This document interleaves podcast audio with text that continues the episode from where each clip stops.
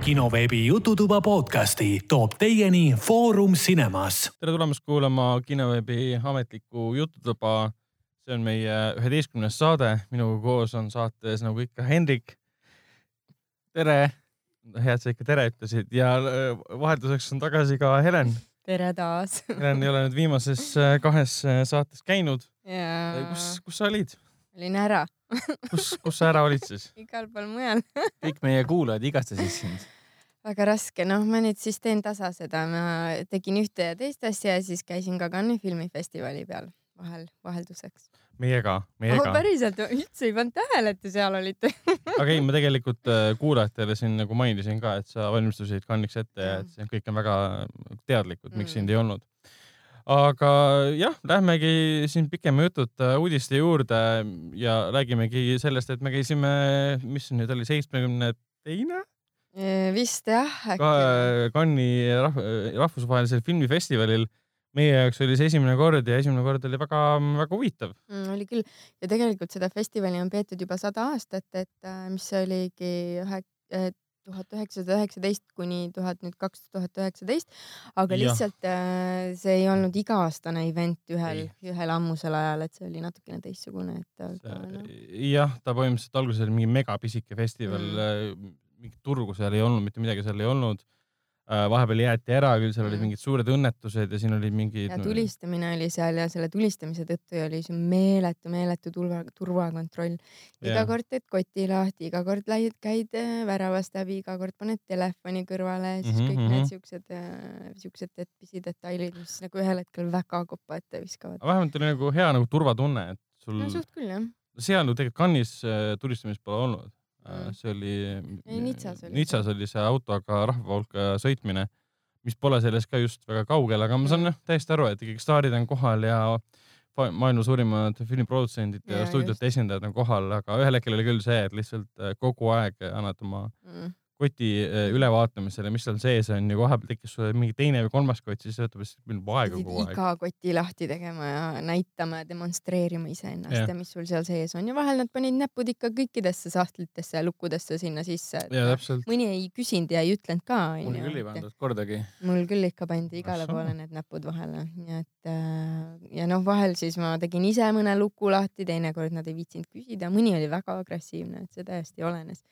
Aga noh, pole ka ime, seal oli ju üle kümne tuhande külastaja oli seal festivali siseselt. jah, need olid siis filmitööstuse nii-öelda jah, tööstusinimesed ja professionaalid Mm. eks neid oli tegelikult kindlasti rohkem ja nii edasi. aga seansside suhtes oligi vist ainult vist kahest kinost kontrolliti ja kontroll oli ka just siis, vist siis, kui olid külalised, kui ma ei eksi seda ma nüüd küll ei mäleta. uh,. see Grey uh,, Grey, ei Grey kinos ei olnud kindlasti kontrolli uh,. praegu mõtlen seda ei teist kino.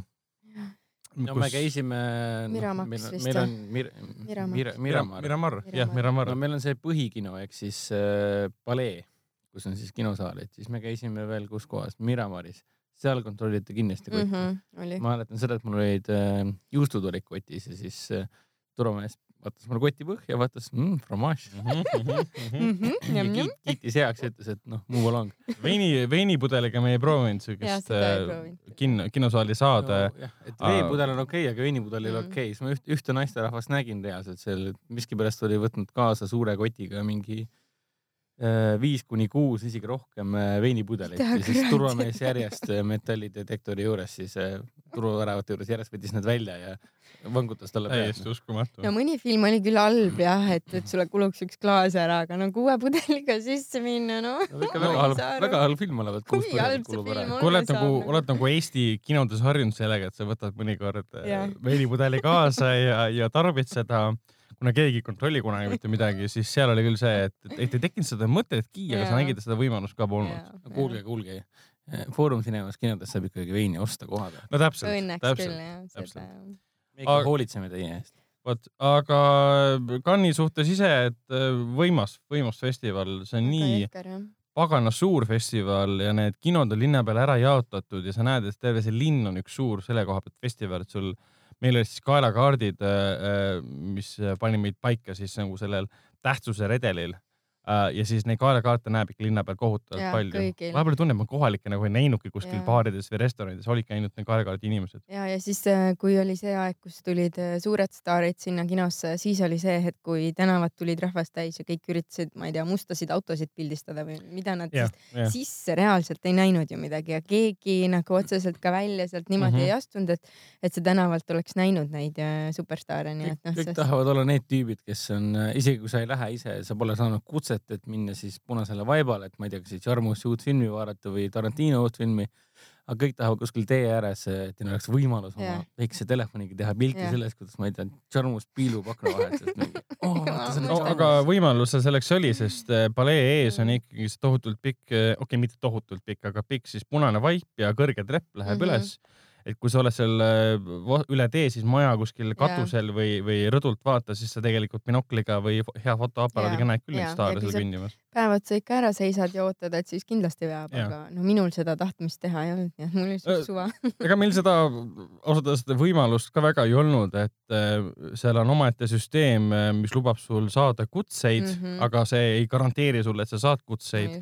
Ma küll proovisin põhimõtteliselt igale punasele vaibale, aga ei saanud kordagi. ma, ma ei mäletagi, mis filmile ma proovisin ka, aga siis oli tõesti mingi suva, et oh, piletid saab, okei okay,, proovime. no, ja jah. siis oligi see, et you are in waiting list onju me, me läksime sinna ju noh, oma ettevõttega ja meil olid need Muertsetu filmi äh, passid ehk siis äh, filmitööstuse passid mm. mm. -hmm.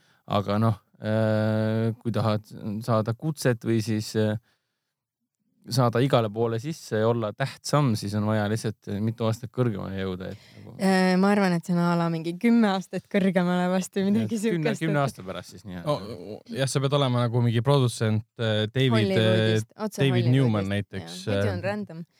muidu, muidu ei ole väga võimalik, aga samas oli väga põnev vaadata seda, et see punane vaip oli alati nagu väga hoolikalt piiretega erinevate väikeste, väiksemate, suuremate katustega ära mm, kaetud ja kogu aeg oli meeletu mass jälle ümber. Okei okay,, mitte võib-olla kogu aeg, võib-olla hommikul Suht. vara vist ei olnud või aga kohe, kui olid nagu tund või kaks jäänud, kuna igal õhtul oli kaks siis suuremat punase vaiba esikat, Mhm. alati oli suur mass seal ootamas, olid siis üle tee või mitte, sest üle tee peal väga olla ei saanud, sest see autode, Oli- politseiautod olid kinni pandud põhimõtteliselt. kõik teed olid lähe, lähemad punktid olid jah ära piiratud, et jah. sa ei saanud isegi tavalise kaardiga sealt läbi kõndida. samal ajal kui meie, meie tahtsime minna kas siis äh, A sööma äh, või siis B mõnele kohtumisele või siis C äh, oma, oma seansile, mis on mingi Ei. kell kuus või kell seitse, ei saa. siis me nagu jah, harjumusest, no võiks ikka tee äärde hoida, et lähme sealtkaudu ja siis tulemus on see, et sa liigud nagu Mm-mm. tigu. ringiga, kõik, kõik, kõik igale poole ringiga. kohtumine on kell kaheksa, sa tahaksid enne õhtusööki süüa, siis äh, noh, jumala eest ära mine palee äärde sa jäädki sinna seisma. ja võib-olla kõige lahedam oli ikkagi see, et äh, sul kogu aeg konstantselt seisid seal siis ilusates õhtukleitides mm. -hmm. naised või siis kenades äh, smokingutes äh, mehed, kes hoidsid käes siis silte, et nad tahavad siis ähm, lisakutset või tahavad olla sinu kaaslane Jaa. kui sul on, kuna seda kutset saab võtta niimoodi, et sa võtad endale ja võtad ka teisele sõbrale Mm. ja tahavad tulla suvalistega kaasa. Ja ma ei tea, kas üldse kunagi neil õnnestub seda, aga ilmselt õnnestub, sest peab õnnestuma, sest muidu? nad ei seisaks seal päev otsa reaalselt. ma Jah. mäletan, me tulime hommikul, ma nägin neid neiusid mingi imelikes kleitides, Mhm. et noh, nende meelest oli see ilus õhtukleit, minu meelest nägi see välja nagu Poolast kleit, okei okay.. okei, ja, ja siis, ja siis ma olin päev otsa juba kohtumistel ära käinud ja igasugust söömas isegi käinud ja ma ei tea, mida kõik ära teinud. ja siis läksin nagu sinna teise, teisele poole paviljonide otsa ja siis vaatasin, need tšikid ikka istuvad seal sa oma, mõtled seesama sinine või? Oh, ma ei mäleta. üks, üks ikka oli sinine, sinises kleidis, istus lihtsalt oma kivi, kivi. ja, ja mingisugune imelik kõrge post oli seal või mingi asi, mille peale Jah, nad siis oli küll, ennast äh, ühel hetkel nagu... nagu, istutasid, reaalselt nad olid seal mingi kümme või kaksteist tundi seisnud juba. ma ei, ma ei saagi tegelikult pointile pihta. Et Et- miks, miks nad seda kutset nii väga ma ei ihaldavad? tea no,. selles mõttes see on, et lihtsalt olla saalis, Jaa. Lumieri saalis kahe tuhande inimesega koos. ei mitte ainult saalis, vaid sa saaksid selle kaaslasega, kes näeb seda silti, et ah mm, -hmm. mul Mhm. on tõesti kaaslast vaja, võtad selle suvalise tänavalt kaasa, ta mm. -hmm. saab võimaluse astuda punasele vaibale, kus kõnnib Quentin Tarantino. tulla samal vaibal kui siis maailma filmitegijad. ja, ja aga ta, aga, aga ta niikuinii ei saa mobiili välja võtta Aa, ja joosta jaa, või minna selle jaa. Tarantino või siis DiCaprio või Mhm. siis äh, Pitti juurde mm, Mhm. sest neil on alati oma nagu entourage ümber. Esiteks seda.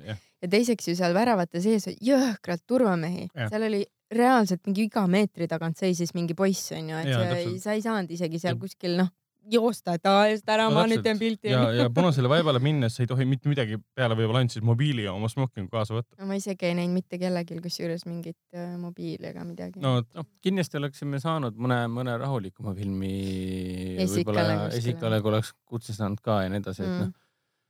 noh, päris kõigile, me vist, vist päris kõigile äh, punase vaiba esikatele ju vist ei, ei mina, mina tegin, tahtnud. mina tegin kõigile selle request'i, et ma tahan seda kutset saada. kahele ma sain vastused, et jah, mulle anti, aga ma tühistasin nad, sest meil tegelikult polnud aega minna. aga need polnud ka selle suure saali omad, need olid äh, mingi väiksemate saalide omad. ma arvan, et järgmine aasta lähme, siis oleks kõige targem ja nüüd oleme targemad ka, oleme korra käinud ja siis Mm. strateegilises mõttes on see, et kui sul on ikkagi vastav äh, pass olemas mm, -hmm.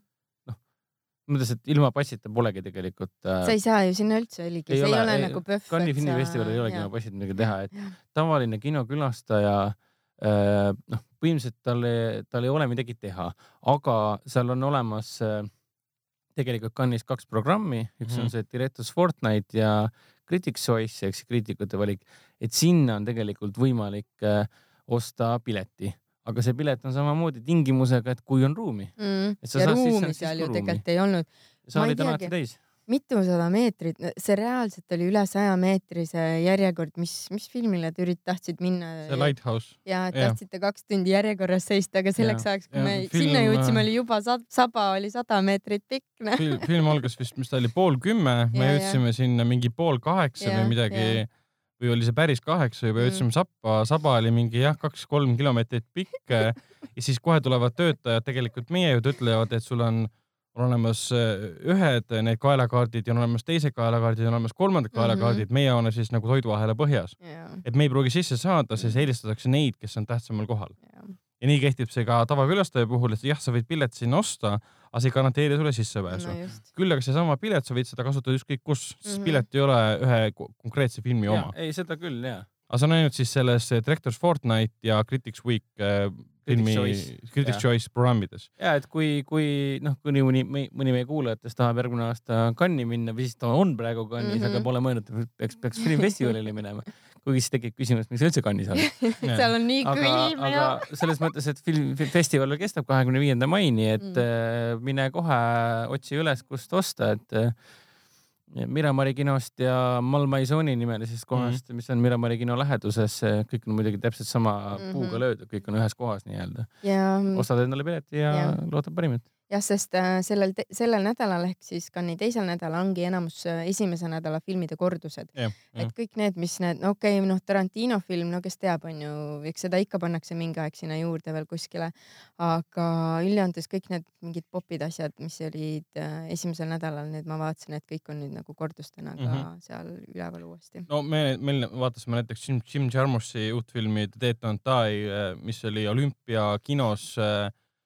Oli niimoodi, et seal oli vist kaheksa saali kokku ah jaa. ja siis tuli välja, et samal õhtul, see oli vist teisel või kolmandal päeval, kui me olime, teisel päeval olime kohale lõpuks äh, sisse selline seadnud ja kaheksas saalis korraga näidati ühte sama filmi. Seitse vist isegi, kui ma ei eksi. ja seal ja seal oli ju ka jõhker pikk järjekord, kus me ootasime, et ei olnud see, et me lähme võtame nüüd ennast sinna kenasti lihtsalt ukse taha ja lastakse sisse. ei, me ootasime mega kaua, ja kakskümmend, tegelikult noh, kakskümmend kolm mintse. seal, seal nagu õnnestus puhtalt selle sisse saada, sul oli kaheksa saali korraga. Aga- see oli iseenesest väga tore, et nad niimoodi tegid Mm. Jah. aga nüüd minu teada ainult selle filmi puhul, no okei okay,, teise nädala, praeguse nädala kohta ma ei oska öelda, me läksime ju teisipäeval minema mm., Mm. aga, aga selle puhul oli jah huvitav, et sul on ühes teises saalis oli ju, meil oli saal täis, aga teises mm. -hmm. saalis oli mingi viisteist inimest ainult. aga selles mõttes on küll äge, et kui sa, kui sa, kui sul õnnestub saali pääseda, kas sa oled siis kas filmikriitik või täiesti tavaline inimene mm. -hmm. kui on vastav programm, õige programm, siis, siis on väga äge, et sa saad näha seal näiteks äh, Robert Pattinsoni ja William Dafoe'd rääkimas yeah. Jah. filmist nimega The Lighthouse näiteks mm. -hmm. või siis äh, lähed vaatama, mis, mis programmi film Vivarium oli, oli ka Critics äh, Choice või? äkki ma oli ei jah. mäleta enam, kas ta oli Critics No, Choice või selle esimesel äh, seansil oli ka Jesse Eisenberg ja Mhm. Imogen Boots näiteks kohal. aga see ongi see, et äh, sa ei pruugi esiteks sisse saada, Mhm. isegi Eesti filmikriitik, kes oli selle kohal, Tristan äh, Priimägi, kirjutas ka, et ta vist Hidden Life'i või ma ei tea, mis filmi ta oma Facebookis jagab praegu neid arvustusi.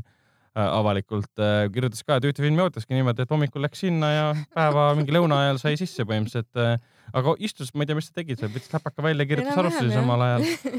aga see tundub nagu nii, tõesti nagu fänniteema mm., kui sa Mm. tõesti nii väga ei suuda, ütleme Tarantino filmi oodata nüüd Mm. augustini, mil ta linastub mm. Ja siis oota, ootadki kolm tundi seal Ei, lihtsalt. ei tea. meil, meil oli nagu, kuna me läksime tööd tegema, meil oli nii palju muud teha tegelikult järjekorras samas, kui sa tööd ei tee, mis sa siis teed seal? see, siis vaatad ongi, sinu päev koosnebki sellest, et sa saad kahte filmi vaadata, et kaks korda sabas seista mingi kolm tundi. Siis on nagu mõistlik- kui sa nagu tööd ei tee, selles mõttes, kui sa ei lähe sinna mõne ettevõtte esindajana või kino Mm. esindajana ja sa tahad lihtsalt filme näha. no tingimus on see, et tegelikult äh, päevapassi või isegi tavalist passi sa ei saa endale osta, kui Jah. sa ei ole kuidagigi söö- seotud äh, filmitööstusega noh, aga näiteks kui sa oled äh, kinotöötaja, siis sa saad endale passi osta. Mm. Äh, kas siis päevapassi või siis äh, kogu festivali passi ja siis sa võidki põhimõtteliselt, et soovitan kaks nädalat võtta kohe puhkus välja ja istuda seal. mina mina ikkagi väga ei soovita, et see Cannes on viimane festival, kus filme vaadata. et see on, see on tõesti mõttetu nagu siukene passimine, sest äh, see ei ole absoluutselt ligilähedanegi sellele, nagu on PÖFF onju. PÖFF on tõesti see film, see festival, kus sa, kus sa saad vaadata ja tegelikult on ju väga häid äh, filme PÖFFil ka olnud ja suuri filme linastunud, noh näiteks nagu Dallas Buyers Club oli ju Matthew yeah. oli McConaughey ja, ja Jared. Jared ja, aga Leto. erinevalt PÖFFist ei tule Matthew McConaughey kohale. ja, ja. erinev PÖFFist ei ole see, ei ole see esilinastus. see ei olegi nagu nii nagu oluline.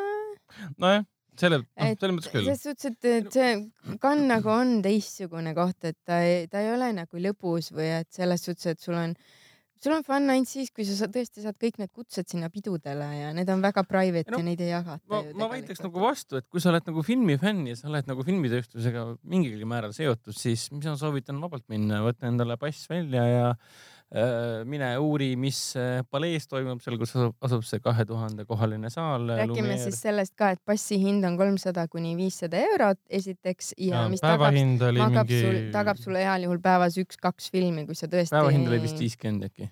ja kui sa lähed filmi vaatama suva peale, nii nagu meie tegime, Henriku suurepärane valik äh,, no siukene meie, meie, klassika. meie suva oli põhimõtteliselt tegelikult see, et äh, ühel hetkel tekib äh, see, et sul saab justkui tööpäev läbi ja siis sa vaatad kava võtame ja esim-, nagu PÖFFil on ju, võtame selle filmi, et kuhu me nagu saame okei okay,, meil on kõhud on täis, nüüd on kell kuus võiks ju filmi vaatama minna mm, -hmm. kell on Mhm. viis, noh, miks mitte, meil on võimalus Jah. sisse saada küll, sest õhtul on pool üksteist see film, mis Jaa, on väga oluline, sinna peab jõudma, sa pead Jaa. kaks tundi sabas istuma ja Jaa. nii edasi. aga ma panin mööda jah, sest va- las, ma tahan ise Jah, sellest okei, rääkida sest see oli käia, väga huvitav ega ma ei kogemus. tahagi selle, selle, väga rääkida sellest. Äh, filmi pealkiri on Welcome to Mercy. see on äh, Läti ja USA koostöös valminud, mis žanr ta oligi, oligi mingi õudus, Õudusfilm. õudusfilm ja see on tegi sellistelt produtsentidelt nagu The Others ja The Scream ja olid USA USA oli poolel ja Läti poole pealt ma ausalt öeldes ei mäletagi, kes need olid, aga ühesõnaga äh, film algab siis äh, rongis, siukses vanaaegses rongis äh,, millel mit- suhteliselt isegi enne neid Elroni porgandironge sõitsid ka meie, meie, meie rongid Tartust Tallinnasse ja Valka ja kuhu iganes. siukene kole puidust ja vanaaegsest nahast siuksed kõvad istmed, okei okay,, seal on mingi kena neiu, kes räägib inglise keelt tal on laps ka kaasas ja laps räägib ka inglise keelt ja nad lähevad kuhugile. Ja mulle nagu alguses kohe tundus nagu kuskilt midagi nagu hakkas kõrva kriipima, aga ma ei, ma ei hakanud nagu väga norima, tead, noh, tead, noh, Eesti-Läti film, noh, tead, vahel võib tead, noh, olla nagu ta on. ja siis ühel hetkel nad siis jõuavad ähm, kuskile tallu äh,, lumine on, külm on ja üldse nagu ei toimi mingid asjad või ja ühel hetkel hakkab nagu kõrva veel rohkem kriipima see, et äh, film on helindamata. Et äh, tundus, et on platsiheli, siis tundus, et on kaameraheli ja heli kostus täpselt nii, nii nagu nii kaugelt nagu kui näitleja oli kaamerast. ja see hakkas ühel hetkel ikka väga kõrvadesse ja siis äh, vaatan, otsin teemat, sisu, kõik on nagu sihuke ligadi-logadi ja siis ühel hetkel Hendrik magab minu kõrval. Ja siis ma mõtlesin, et ah, no davaiks onju, et ma siis lükkan ka silma kinni. Ja siis äh, teisel hetkel Hendrik tokib mind, mina magasin. ja siis Hendrik ütles, et kuule, et, et äkki lähme ära või nii ja siis me otsustasime kollektiivselt kõik ära minna ja selleks ajaks jäi kinno täpselt üks inimene vist pärast ja. meid veel. istus teie, teie meie reas. kõrval istus suht täpselt, ma ei tea, kas ta vaatas või ei vaadanud seda minu filmi vaatas reaalselt. suht silmad laiali, vaatas rahulikult. ta pidi lätlane olema järelikult, aga mis kogu selle jutu point on see, et äh, nüüd ma ei tea, Läti ja USA inimesed saavad äh, suure suuga rääkida, et ollala, meie film oli Cannes'is mm, Mhm. -hmm. linastus Cannes'is, me paneme selle Cannes'i märgikese ka kuskile. või siis nad vast saavad šok- šoki, et missugune film oli neid esindamas Cannes'is. vot seda ma ei tea, aga ühesõnaga see sisu oli katastroofselt halb, tegelane oli siukene, et ta lonkis lihtsalt järgi kuskile, et aa, ma nüüd pean minema kloostrisse. okei okay,, ma siis lähen, ma saan terveks. et aga see kõik muu pilt oli puhastamata, värvid keeramata, heli oligi reaalselt see, kõik need äh, igasugused siuksed asjad, mis mm. -hmm. niimoodi tehti kuskile või mingi kõlksumised oli platsi päris heliga poolik film lasti Jaa. kanni. ja et noh, selles suhtes, et äh, kui sa nagu ostad endale selle mm, badge'i, siis suur tõenäosus on, et sa näed rohkem siukseid filme kui Jah. neid filme, mida, mida sa tegelikult näha tahad ja millest kõik lehed ja ajakirjad ja kõik, kõik, kõik kirjutavad, et Sest äh, noh- siin on nagu see oht lihtsalt nii suur täpselt, sest no ikkagi Cannes on väga suur festival mm.. see, see kava, kus olid kõik filmid üles loetletud, seal oli viissada lehekülge, igal leheküljel oli. Igal leheküljel oli vist oli viis, kuus, seitse või midagi filmi Mm. pluss äh, me ju nägime, kus, kus turul me käisime selle filmi postrit ja täitsa pekkis, kui tuust poster oli oli, oli., oli, nagu siukene darkness ja siukene mm. tõesti siukene The Others'i mulje ja niimoodi. aga siis, kui see film nagu reaalselt No peale täpselt. hakkas, siis see oli siuke saastakas, et anna otsad noh. nojah, ta oli siukene väike religioosne õudusfilm, noh, et sellel ema tegelasel järsku tekivad need ähm, püha, püha stigmata, ma ei tea, kuidas eesti keeles on.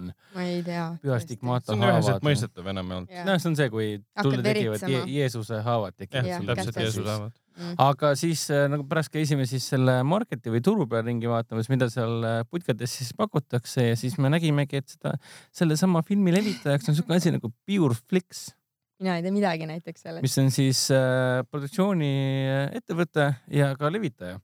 ja, ja tegelikult äh, tegemist ongi sellise kristlikke väärtusi edasiandva äh, levitaja ja tootjaga. naljakas, sellest filmist ma seda kristlikku või usulist väärtust Ei, üldse ei leidnud, et see ei. pigem nagu võib-olla äkki siis tuli pärast, kui me ära läksime, aga no ega seda ei oleks kannatanud lõpuni vaadata. tal oli täitsa olemas need asjad, aga ma pigem viskaks selle jah sinna Pureflexi kapsaaeda ka, et äh, tegid, teevad endale margi täis, et supist filmi levitavad. suud ja, küll ja jah., ja ega see Pureflix on tegelikult üsna kuulus ja kurikuulus selliste Ahah. filmide poolest, et alles hiljuti ju nemad samad ju lasid välja siukse filmi nagu Unplanned, ei tea mis tuli äh, USA-s tuli välja. ja see on siis siuke film, mis äh, põhimõtteliselt räägib äh, samal teemal, mis on nagu päris tihedalt USA-s, et teemaks olnud väga aktuaalne, väga terav teema ehk siis Planned Parenthoodist aa, okei.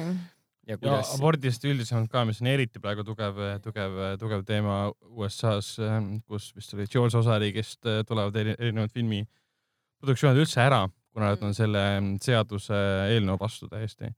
aga see, lihtsalt see film ise on nagu suurepärane näide sellest, et äh, isegi Cannes'i filmifestivali, mida loetakse maailma kõige olulisemaks festivaliks linastub igasugust jama. sest see fi- film ei kuulunud ühtegi programmi, Mm-mm. ta oli lihtsalt mingi film kavas. Ja nii nagu PÖFFil, igal pool muudel festivalidel, isegi HÖFFil on filmid, mis on lihtsalt mingid asjad, kuskil on keegi sinna saanud kuidagi, lähed vaatavad saast. ja tegelikult Cannes'is sa lähed vaatama võistlusprogrammi filme, kuhu tavainimene ei pääse üldse nagunii põhimõtteliselt. või siis vaatad Critics Week eh, või see Critics Choice ja siis Director's Fortnite, kus on tavaliselt kvaliteetsed jaa, filmid. täpselt. noh, me ise ju saime ka õnneks, õnneks ka kvaliteetset filmi näha, et Vivarium tegelikult oli väga hea ja Dead Won't Die, issand jumal. Te teete, on ta, jaa, täpselt. Ja mis see, no Les Miserables, mis mulle küll ei meeldinud, aga noh, ta oli nagu ikkagi hästi tehtud, et noh, äh, selle. Les, oot, ütle uuesti. Les Miserables. Jah. sellega seoses on äh, meil üks uudis ka, et äh, see on siis debüütfilm, mille siis Amazon ostis Mm. endale, ostis endale õigused seda levitada ära, see oli ühe koma viie miljoni euro see on eest, jõhker, see summa on jõhker. mis on siis rekord debüütfilmi kohta. Sest äh, tegemist oli, noh, nad küll tahtsid vist sedasama teemat teha, nagu see romaan oli, aga ta oli pigem ikkagi jutustatud siis vähemuste vaatevinklist, siis vähemused versus politsei ja politsei vägivald või noh, korrakaitse vägivald mm -hmm. nagu.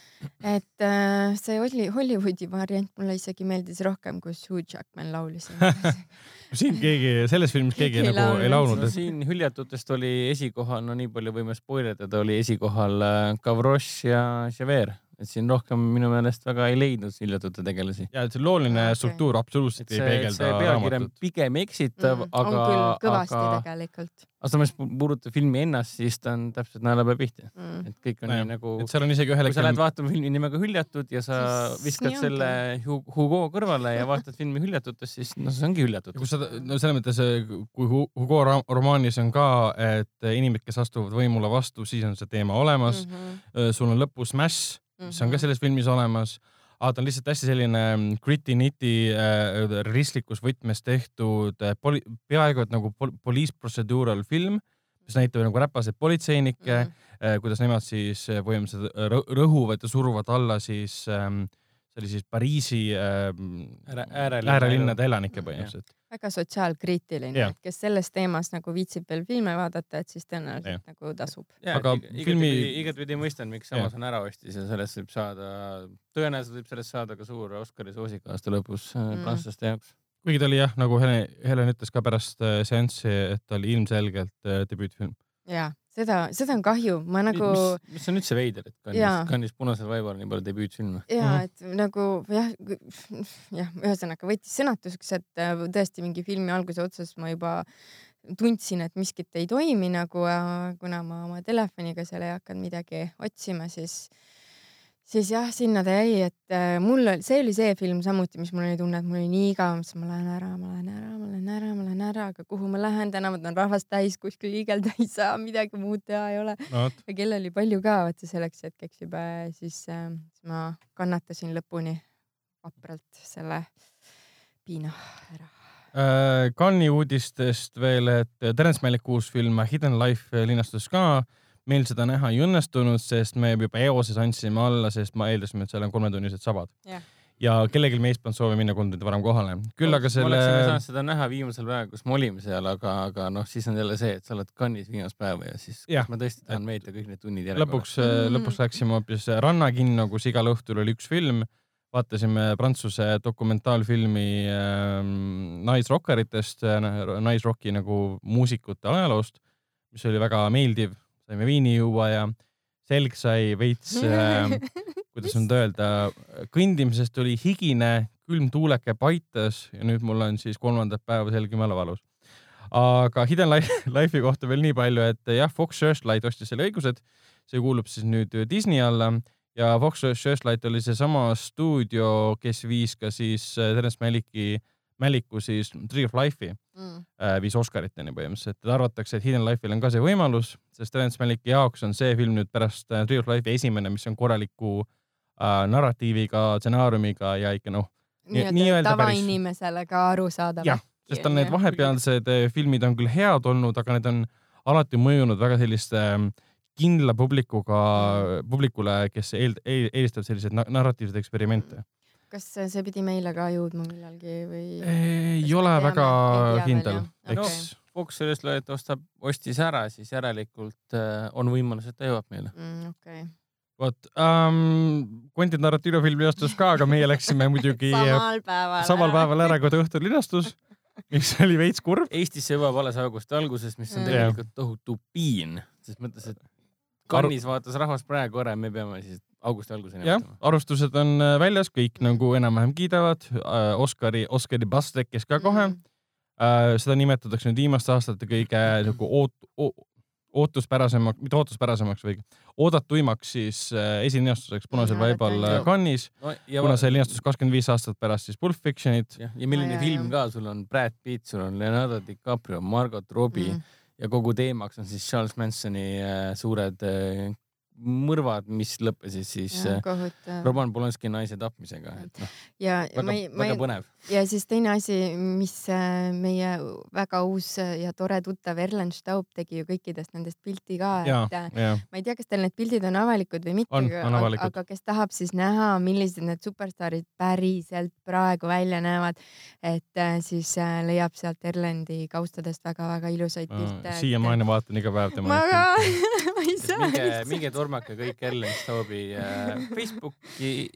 tema on jah üks nendest vähestest eestlastest, Pitt kes on ninapidi ja- koos nende staaridega ja- ja pildistab neid. ja, ja kes tal oli see Leonardo pilt oli jaa. väga ilus. nüüd viimane oli muidugi Stallone'is ka. Ah, jaa, jaa, ma nägin ka, jaa. oma esimese filmi restaureeritud Jaa. variandiga ja siis uue filmi reklaamiga seal. Et need oli mõnus vaadata, et muidu tavaliselt internetis sa never ei tea, kui ära Photoshop itud miski on, onju. et aga nüüd sa saad vaadata nagu ikka noh, päriselt ja ta ju teeb nii lähedalt on seal nende kõikide super, super fotograafidega. nii lähedal, et ta võiks Stallone'i Ta võiks musklit katsuda. aga ta ei tee seda, sest ta kaotas kohe oma fotograafi õigused. et selle koha pealt me saime aru, et Cannes on ikka väga-väga karm, et Jaa. äh, kui sa oled fotograaf, siis ole fotograaf ja tee seda, mis sa tegema pead. Äh, Tarantino kohta nii palju, et äh, ootame väga, et see lõpuks meile jõuaks. filmi muidugi kiideti ja pärast pressikonverentsil äh, muidugi Tarantino sattus nii-öelda meedia hambusse tänu sellele, et siis kolmkümmend minutit kestnud pressikonverentsi lõpus üks äh, naisreporter uuris tema käest, et äh, miks sa, miks sa palkasid üldse nagu Margot Robbie, kes on Oscari võitnud näitleja Ai Tonja ees siis äh, Mina Tonja äh, äh, nii väiksesse nagu rolli, kellel nii vähe ekraaniaega, nii vähe dialoogi, et miks sa seda tegid?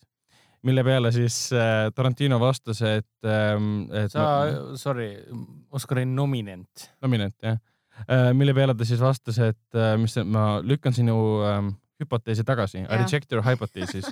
see oli kogu tema vastus ja siis Margaret Robbie vastas väga põhjalikult ja professionaalselt ja loomulikult, et talle väga meeldis see roll, sest ta vahelduseks on roll, kus ta ei nõjatu ainult dialoogile, vaid ka pidas ikka teistsugusel näitlemisel, et oli sellest väga palju õppida ja see oli väga huvitav eksperiment tema jaoks. see See- küsimus on nagu idiootne, et kui sa oled tõenäoliselt seda filmi näinud, siis ma arvan, et siukest küsimust tegelikult ei tekiks, et. nojah, see film ei ole Sharon Tate'ist, see ei räägi, tegelikult see ei räägi Mansoni mõrvadest, see räägib Mm. Rick Daltonist ja tema kaskadöörist. samas mõistetav, kui sa arvad, et ta räägib Sharon Tate'ist. jah, sest seda on hästi-hästi palju reklaamitud igal kogu pool küll filmi nagu promokontseptsioon seisneb Nojah. selles, et Sharon Tate, Charles Manson ja siis Ja DiCaprio. kuulge Noh., aga äkki ta vaatas lihtsalt seda treilerit, sest seal treileris on minu arust küll see koht, kus see Margot Robbie lihtsalt tantsib kuskil nagu. äkki ta oli üks neist inimestest, kes ei saanud sisse vaata, ta oli vihane veits selle ta peale. elas välja ennast. mis mõttes, mis, mis selle sissesaamisega siis oli? oligi see, et väidetavalt siis, no mitte väidetavalt, oligi sajad inimesed ei pääsenud siis Tarantino uue filmi esilinastusele. ja probleem tekkis siis sellest, et tõenäoliselt seda pole ametlikult kinnitatud, aga Cannes ise ütles, et see oli, nad vabandasid, et nad tõenäoliselt andsid liiga palju kutseid äh, võrreldes sellega, kui palju kohti on nagu saalis. ja oligi siis see, et väga paljud äh, kutsete omanikud ei pääsenud suurde saali filmi vaatama. ajakirjanikud ja filmitööstuse inimesed jäid lihtsalt ukse taha. seal oli küll kaks tuhat kohta, aga nii palju me kuulsime festivali ajal, et iga päev üritab sinna kahe tuhande kohalisse saali pääseda kuusteist tuhat inimest. aga antud juhul tundub, et see oli võib-olla jah, Cannes'i enda süü, et nad ütleme, kui on kaks tuhat kohta, siis nad andsid võib-olla mingi viissada kutset üle, inimesed eeldasid, et nad saavad sisse, aga ei saanud. sest võistlusprogrammidele ei saa pileteid osta, sa saad ainult kutseid. Kõik on äh, teatud äh, programmi kaudu.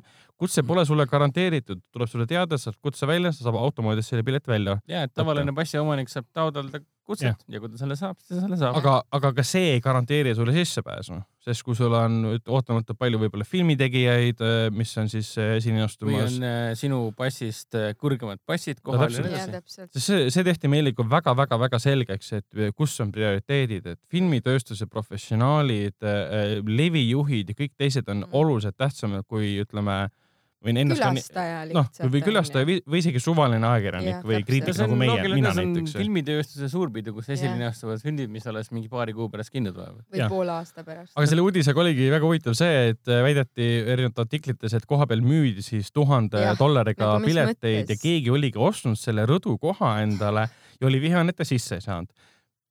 miks see probleem on? jah, see on probleem sellepärast, et äh, pileteid, kutseid, tähendab Ei pileteid osta ei saanud, jah, kutseid ei tohi edasi anda Jah. ega müüa, sest kutse kehtib läbi selle, et sul on kaelakaart, kus sa saab Mhm. sinu nägu kontrollida, seda Jah. tehti meil kogu aeg, vaadata mulle otsa, vaadata kas kaelakaarti. oled sama? Täpselt, ehk siis keegi müüs oma kutse edasi ja seda üritati omakorda müüa ja inimene ostis selle ära põhimõtteliselt ja siis oli vihane, et ta sisse ei pääsenud. no aga lollidelt võetakse raha ära. siin uudistes on isegi kirjas, et mõni maksis üle tuhande dollari selle kutse eest. no mis on ka omakorda see, et et sulle, sulle, sul õnnestub osta kutse, mis on tegelikult isiklik, isiklik kutse sellele inimesele, jah, kellest, kes on selle kutse saanud. et sa poleks niikuinii sisse ja siis sa pääsenud. loodad sisse saada, et isegi kui ta mingi ime läbi sisse saab ja sa ukse taha jääd, siis sa oled õnnetu, jah, nagu. et sa ostsid kutse, mis pole mõeldud ostmiseks. noh. sest näiteks ma toon näite, et kui mina oleksin, mul oleks kutse ja ma läheksin Voronsele vaibale ja mul ei ole kaelakaarti kaasas, on suur tõenäosus, et Jah. valvurid ei lase mind sisse, sest ei saa Täpselt. kinnitada, kas see kutse kuulub mulle. -hmm. et selles mõttes, et see on suht äh, nullist üles ehitatud äh, selline nii-öelda skandaal, et inimesed välja jäid, Mm. kuigi Cannes ise nagu tunnistas, et mingid probleemid olid, et tõesti Mm. müüdi liiga palju pileteid. ja nad lubasid asja uurida, et mingi, mingi mahutavuse teema ikkagi oli, aga noh, Mm. noh, see selleks. seal, kus on Tarantino, seal on ka kontroversiaalsus. jah, aga noh, meie, meie Cannes'i äh, see selline suurem mulje oligi siis see, et seal oli kohati muutus asi väga suureks hullumajaks, eriti see rahvamasside suhtes. et me üldse ei imesta, sellised probleemid tekivad, Mm. et seal on ikka nii, nii, nii, nii palju rahvast. Pluss nii palju filme, et tõesti, kui sa lähed sinna kohale ja sa ei, ei viitsi seista järjekordades ja sul on mingi pressikaart näiteks, -hmm. mine vaata neid täiesti suvalisi Jaa. filme, vaata lihtsalt, sa võid iga päev vaadata no viis enne, filmi enne, enne ikka uuri hästi põhjalikult, mida sa vaatama lähed. No seda küll. aga seal on näiteks see marketi ala, filmmarketi ala, kus Mhm. otsitakse siis filmidele levitajaid ja seal sa, sa toimuvad nendele filmidele toimuvad ka eriseansid, kus sa võidki Mhm. vaadata mingit äh, Saving Leningrad nimelist filmi näiteks, kus plakatil oli pikk saar, mis on ilmselt Leningrad, mida tuleb päästa ja seal pe- peal oli kirjas, et see põhineb tõesti sündinud lool. mis tekitab palju küsimusi, et kuidas Le- Leningrad järsku saare peale sai ja miks, miks ta päästmist vajab siis no vot, miks üldse miski on, et noh.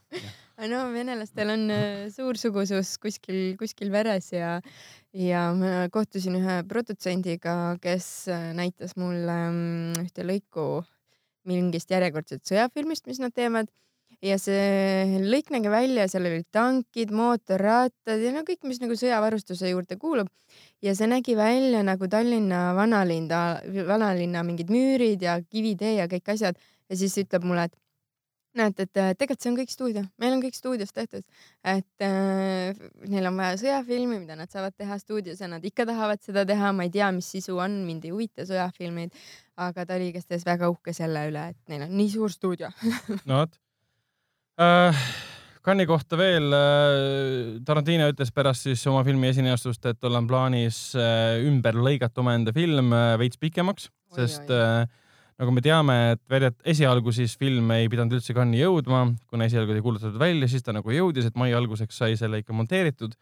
Aga ju siis läks asi nii kiireks, et tal mingid stseenid jäid välja. midagi jäi kripeldama vist ikka. Äh, ilmselt noh, augustis jõuab kinno ikkagi sama versioon, ma arvan, mis äh, nüüd jah. äh, linastus Mm. et Aa, jaa, äh, kuna niikuinii, saigi hästi-hästi napikalt valmis. jah, Mm. kuna niikuinii Tarantino on praegu hoos sellega, et ta lõikab oma asju ümber, et äh, see Djangost on plaanis teha siis Netflixi seriaali variant ja siis on Hateful Eightist juba USA Netflixis o- Issakene. Netflixis on, et sündmused on ümber, ümber tõstetud, ümber Mhm. lõigatud seriaaliks äh, nagu muudetud.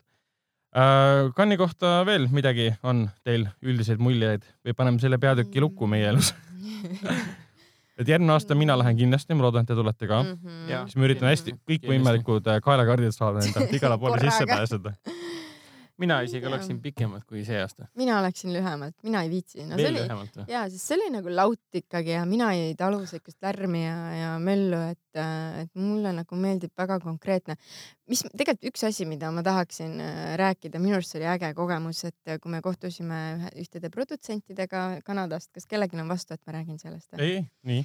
ja kui siis äh, tuli üks härra, härra, mees ja naine olid ja mees oli siukene jutukam, hakkas rääkima kohe sellest, kuidas äh, mere ääres siin äh, noh, sealsamas Cannes'i rannas, et seal on mingid kunstnikud ja kuidas kunstnikud ikka oma kunsti müüsid mere ääres ja rikkaks said ja siis üritas nagu see üks, ühest teemalt teisele minna, et siis, et, et tegelikult noh, filmikunstis on ka samamoodi, et ei pea olema vaene kunstnik, et noh, teed ühtepidi ja teistpidi ja siis saad rikkaks ja saad raha ja värki.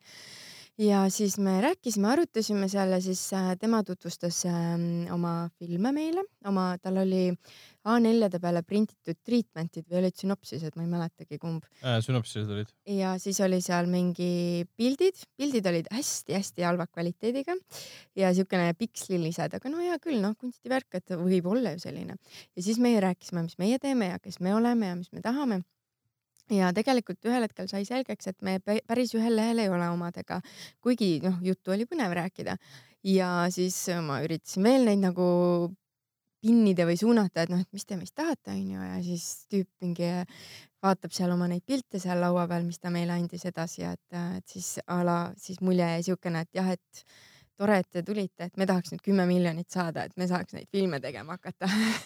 Jah. mul oli nii, et okei okay., tore, mul on mõnikord kümme eurot või kümme senti nagu ja siis nüüd keegi vaatab mulle näkku ja arvab, et mul on kümme milkut pakkuda neile nagu. ütleme nii, et seal turu, turu, turu peal või ärialadel oli ikka igasuguseid tüüpe. ja et see, see oli Äh, väga põnev, et mõnes mõttes oli see koomiline, minu arust hea õppetund. täpselt, hea õppetund oli, et äh, ke- kellega tasub kohtuda, kellega mitte ja, ja ka seda juhtub, et sa satud mingi täiesti suvalise inimesega kokku, kes räägib väga imelikku juttu kokku Mm. sulle. vähemalt nii ta väitis, et äh, kümme miljonit on tal olemas või ta tahab kümme miljonit, umbes niimoodi. ühesõnaga kümme miljonit oli teema. vot, et see oli äge mõnes mõttes, et, et aga jah, selles suhtes, et see on ilge laut seal, et glamuuri, glamuurist pole seal haisu, kui sa ei ole Tarantino või, või DiCaprio kui sa või, kui sa pole Ernst Staub, kes saab pildistada Zamini- neid kui sa ei ole punasel vaibal, kui sa ei ole fotokoolidel Mhm. neid asju läbi viimas või kui sa ei ole maailma kõige tuntum äh, filmikriitik või ajakirjanik nendega vestlemas seal Mm. pärast, siis see glamuur äh, piirdub sellega, et sa näed neid valgeid aedu ja. äh, punase vaiba ümber ja veits näed, see vist DiCaprio kõndis, kuigi seal tegelikult punase vaiba juures on see suur eh, ekraan, live Jaa, ekraan, kus sa jaa. nägid seal punasel vaibal toimuvat ka tegelikult, et ilma ei jää selles mõttes. ja et noh, et tavainimesena või- võid käia milles iganes riietuses sa tahad, kingadega või plätudega või no igast asju oli. pluss sa võid endale ka pisikese redeli tuua, nagu väga paljudel fotograafidel olid seal tara taga meeletult palju neid.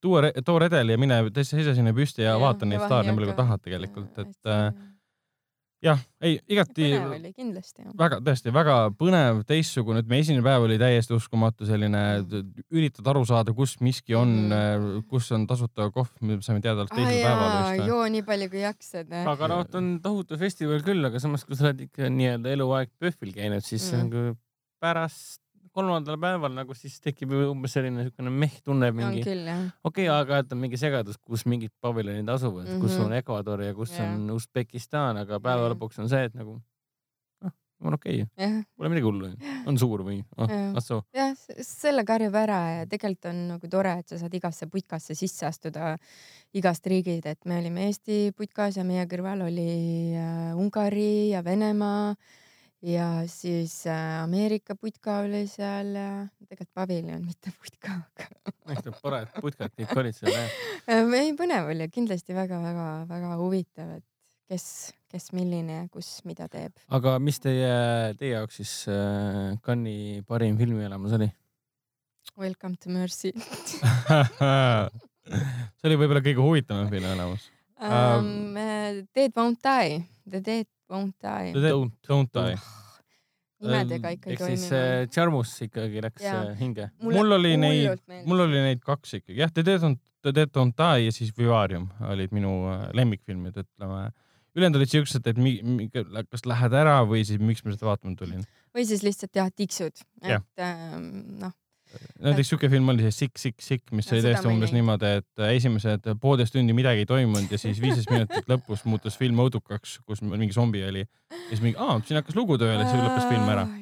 ja, et me nagu nägimegi ju viis ja pool filmi, noh, jah. Mm. mitte päris kõiki neid samu asju, aga noh, viis ja pool filmi tuli kokku justkui kollektiivi peale. Kuigi suurimad, nii, sest äh, seda Six Six Six sellest kõvasti räägitakse juba mingil põhjusel ja hullult ei, ei, promotakse. ei, ei tea, miks. üldse ei saa aru, mis, Täiesti- mida siin üldse rääkida on, ei siuke poolikute mõtetega lugu, et Aa, see on jälle see, et äh, ma tahaks žanrikat teha, sest kõik teevad ja tegelikult ta ei teadnud, mis see tähendab ja siis ta paneb siukse pealkirja nagu sick, sick, sick ehk mm Mhm. -hmm. ma ei tea, haige, haige, haige onju. ja siis lõpus avastab, oi kuule, mul oleks vaja siin midagi, mis, mis, mis need õudusfilmide juurde need asjad käivad, et paneks, mis, mis ta pani sinna, ma isegi ei kujuta ette. no viimases Tek- viies minutist äratas oma siis äh, boyfriend'i ellu, jah, boyfriend'i ellu. surnud boyfriend äratas ellu, et nagu viimase, viimase viieteist minuti jooksul siis äh, tuli selgus majja, et äh, film otsustas ühel hetkel hakata õudusfilmiks. Jeesus, seda oleks pidanud tegema esimese viieteist minuti jooksul, et, et see oleks kandnud või. kellele või milleks see film tehti, sellest aru ei saa, aga, aga mul on hea meel, et just nimelt Charmus, just nimelt äh, Jesse Eisenbergi Mm, see õudusfilm ära nähtud sai vi,, vi, Vivarium või, Viviarium. Vivarium. Vivarium. Vivarium. ja mul on hea meel tegelikult, et see prantsuse film Les Mis äh, ikkagi mm., Les Miserables ikkagi nähtud sai. kuna sellest ikkagi palju räägiti, mulle ta kokkuvõttes ikkagi meeldis, kuigi ma olen kriitikaga nõus.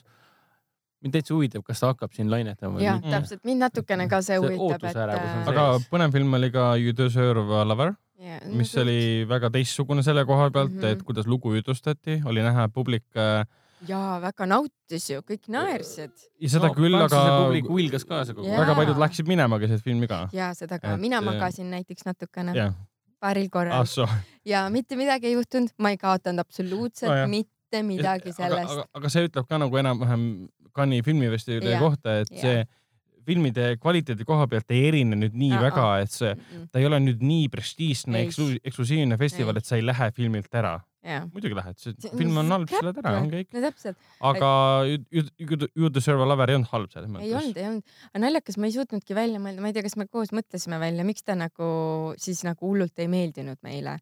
Et seal nagu vist ei olnud siukest nagu antitegelast või et seal ei olnud nagu suurt seda, suurt nagu seda äh, vastukäivat jõudu või et noh, see tegelane oli nagu seda, iseenda suurim vaenlane tõenäoliselt, noh, aga see vaenlane ei ole ka õige sõna, et ta lihtsalt ta tegi sitte valikuid. vastandulik, vastand, vastandlik, vastanduv tegelane, kes Jah. nagu ise tekitas neid konflikte Jah. ja siis sa ei osanud neid lahendada ja keegi ja teine siis ei nagu aidanud ka teda. meie kui publik, okei okay,, ülejäänud prantslased seal huilgasid kaasa, kõik olid jumala rahul sellega. Pärast äh, siuksed ovatsioonid tulid ära, aga ometigi Jaa. nagu mainisite, et hunnik rahvast läks välja. jah, kui jah. üks püsti tõusis, siis siis tuli üks veel. sa ei taha üksi minna siis, kui teine läheb, siis sa lähed ka kohe järgi. aga noh, ta sihuke kulgemise film, ta on iseenesest nagu igati tore ja nagu hea film tegelikult. Mm. oli nagu, aga samas nagu ei viska silda ka selle jah, peale. et tekitas küsimuse, miks ta üldse kriitikute valikus programmis on, tekkis küsimus. ta nii tugev ei olnud jah. ei olnud, ei olnud, aga ma arvan, et see oli see kvoodi täitmine, et äh, min- Jah., mis ajal nad see fifty-fifty või mis iganes äh, võtsid, sest äh, peategelane, režissöör ja ma ei tea, kas siis ka stsenarist äh, olid sama see inimene. sama neiu, kes mängis seal seda, ma ei tea, kas kellelgi on nagu käepärast võtta, kes seda filmi siis lõpuks kirjutas. et äh, see ehk tšikk siis näitleja režissööri nimi on siis Hafsia Hertzi. ja tõenäoliselt, kuna ta oli ka mingi pärsia või mingi asja segu, et siis ta oli nagu naisrežissöör pluss vähemus ja eks, eks sellepärast see nii-öelda kvoot äh, päris mitu linnukest kirja sai. ja kuna see ei olnud päris esimene tal vist, ta oli seal mingi veel filme teinud ja näitlenud.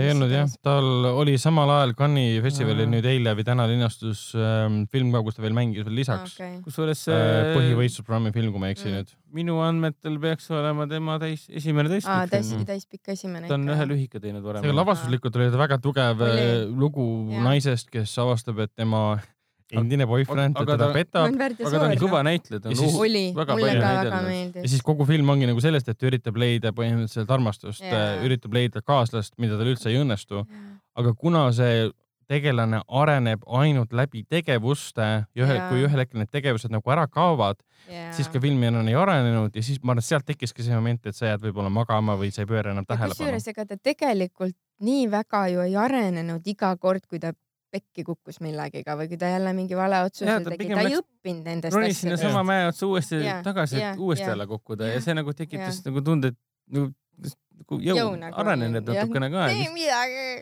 aga jah, noh, muidu üldvibe oli hea, aga no ütleme nii, et isegi PÖFFil oleks seda väga igav vaadata, nii et ma. kuigi noh, praegu sa oled prantsuse. kultuuri ja inimeste ja keele austaja, siis äh, soovitan väga selles suhtes.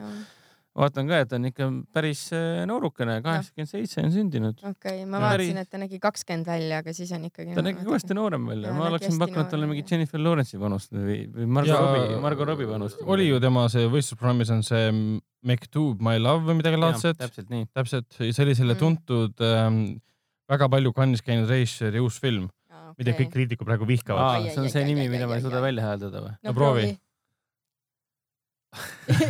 oota, oota. nii, siis filmi nimi on Maktub My Love äh, Intermezzo ahah, ja fil filmi režissöör on siis äh, Abdelatif Ketitše. kuule, kas see on see film, mis kestab neli tundi või?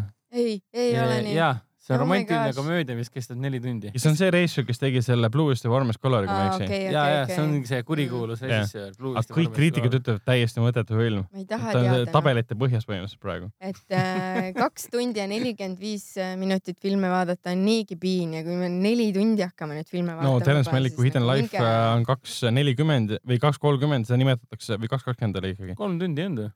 vabandust, see oli kolmetunnine, jaa, täpselt ma. Hidden kuulsin ka, on et ta neli tundi tundi. pidi olema. Aga ikkagi natukene, aga mitte Hidden Life'i, mitte nii pikk kui Endgame, nii et. jah, aga Hidden. Life'i nimetatakse Terence Maliku karjääri äh, parimaks filmiks pärast Tree of Life'i. Mhm. nimetatakse täielikuks nagu vormi tagasitulekut mm -hmm. ja Mhm. meistriteoseks selle Mhm. koha pealt. no mis on ka hämmastav, sest tegemist on peaaegu et puhta saksa filmi, kus on saksa tuntud, tuntud ja mittetuntud saksa näitlejad. Ja ainukene- ainukene tuntud näitleja, kes seal on, siis teeb ühe oma viimastest rollidest on Bruno Ganz. kuigi August Stiel ka tegelikult. tema No mängis äh, Inglourious Basterds äh, Tarantino filmis seda äh, pubi äh, tulistamisstseeni Aa, äh, Mexican lõppenud äh, natsisõdurit. seda, see lõust ei lähe kunagi ja, ja, ja, aga Cannes'i võib-olla uudiste lõpetuseks mainime võib-olla seda, et et The Dead Don't Die oli väga hea film. oli küll jah. Et mulle ta oli hullult avafilm. meeldis, mulle hullult, hullult, ma nii imestasin, kuidas see mulle meeldib, sest näiteks äh, Jarmuši, mida nime ma ei oska öelda. Jarmuši. see mm, Only Lovers Left Alive mulle üldse ei meeldinud. wow,. see oli nii kaunis ja film. suur okse nagu ja siis, siis ma vaatasin. suur okse Onni lauas, see on jumala hea film, kohutavalt Kuidas ja siis ma vaatasin seda ja siis mulle kuule, nii paneme selle meeldis. saate kinni. Tšau oli tore. aga mismoodi sinu arust Dead Don't kinoveebi Die oli jututuba siis, lõpetab. oli siis parem?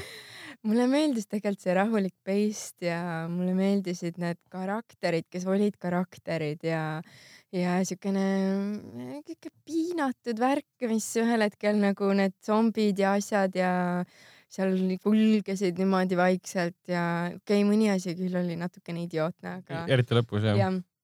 Aga mulle nii meeldis, et ta võttis nii rahulikult seda ja see oli nii värskendav, et noh, tavaliselt mis iganes autoseenid või autosõiduseenid mm., et siis alati mingi kihutamine või möll või mingi asi, aga reaalselt ongi nii, et ähm, üks tegelane ütleb ühe lause, siis on paus, siis teine tegelane ütleb ühe lause. tihtipeale kordab seda eelmise, eelmist lauset. ja, et kõigepealt ta kordab eelmist Jaa. lauset, siis on veel paus ja siis ta paneb oma korre- Jah. korre- ko kommentaari nagu uh, this is gonna end badly.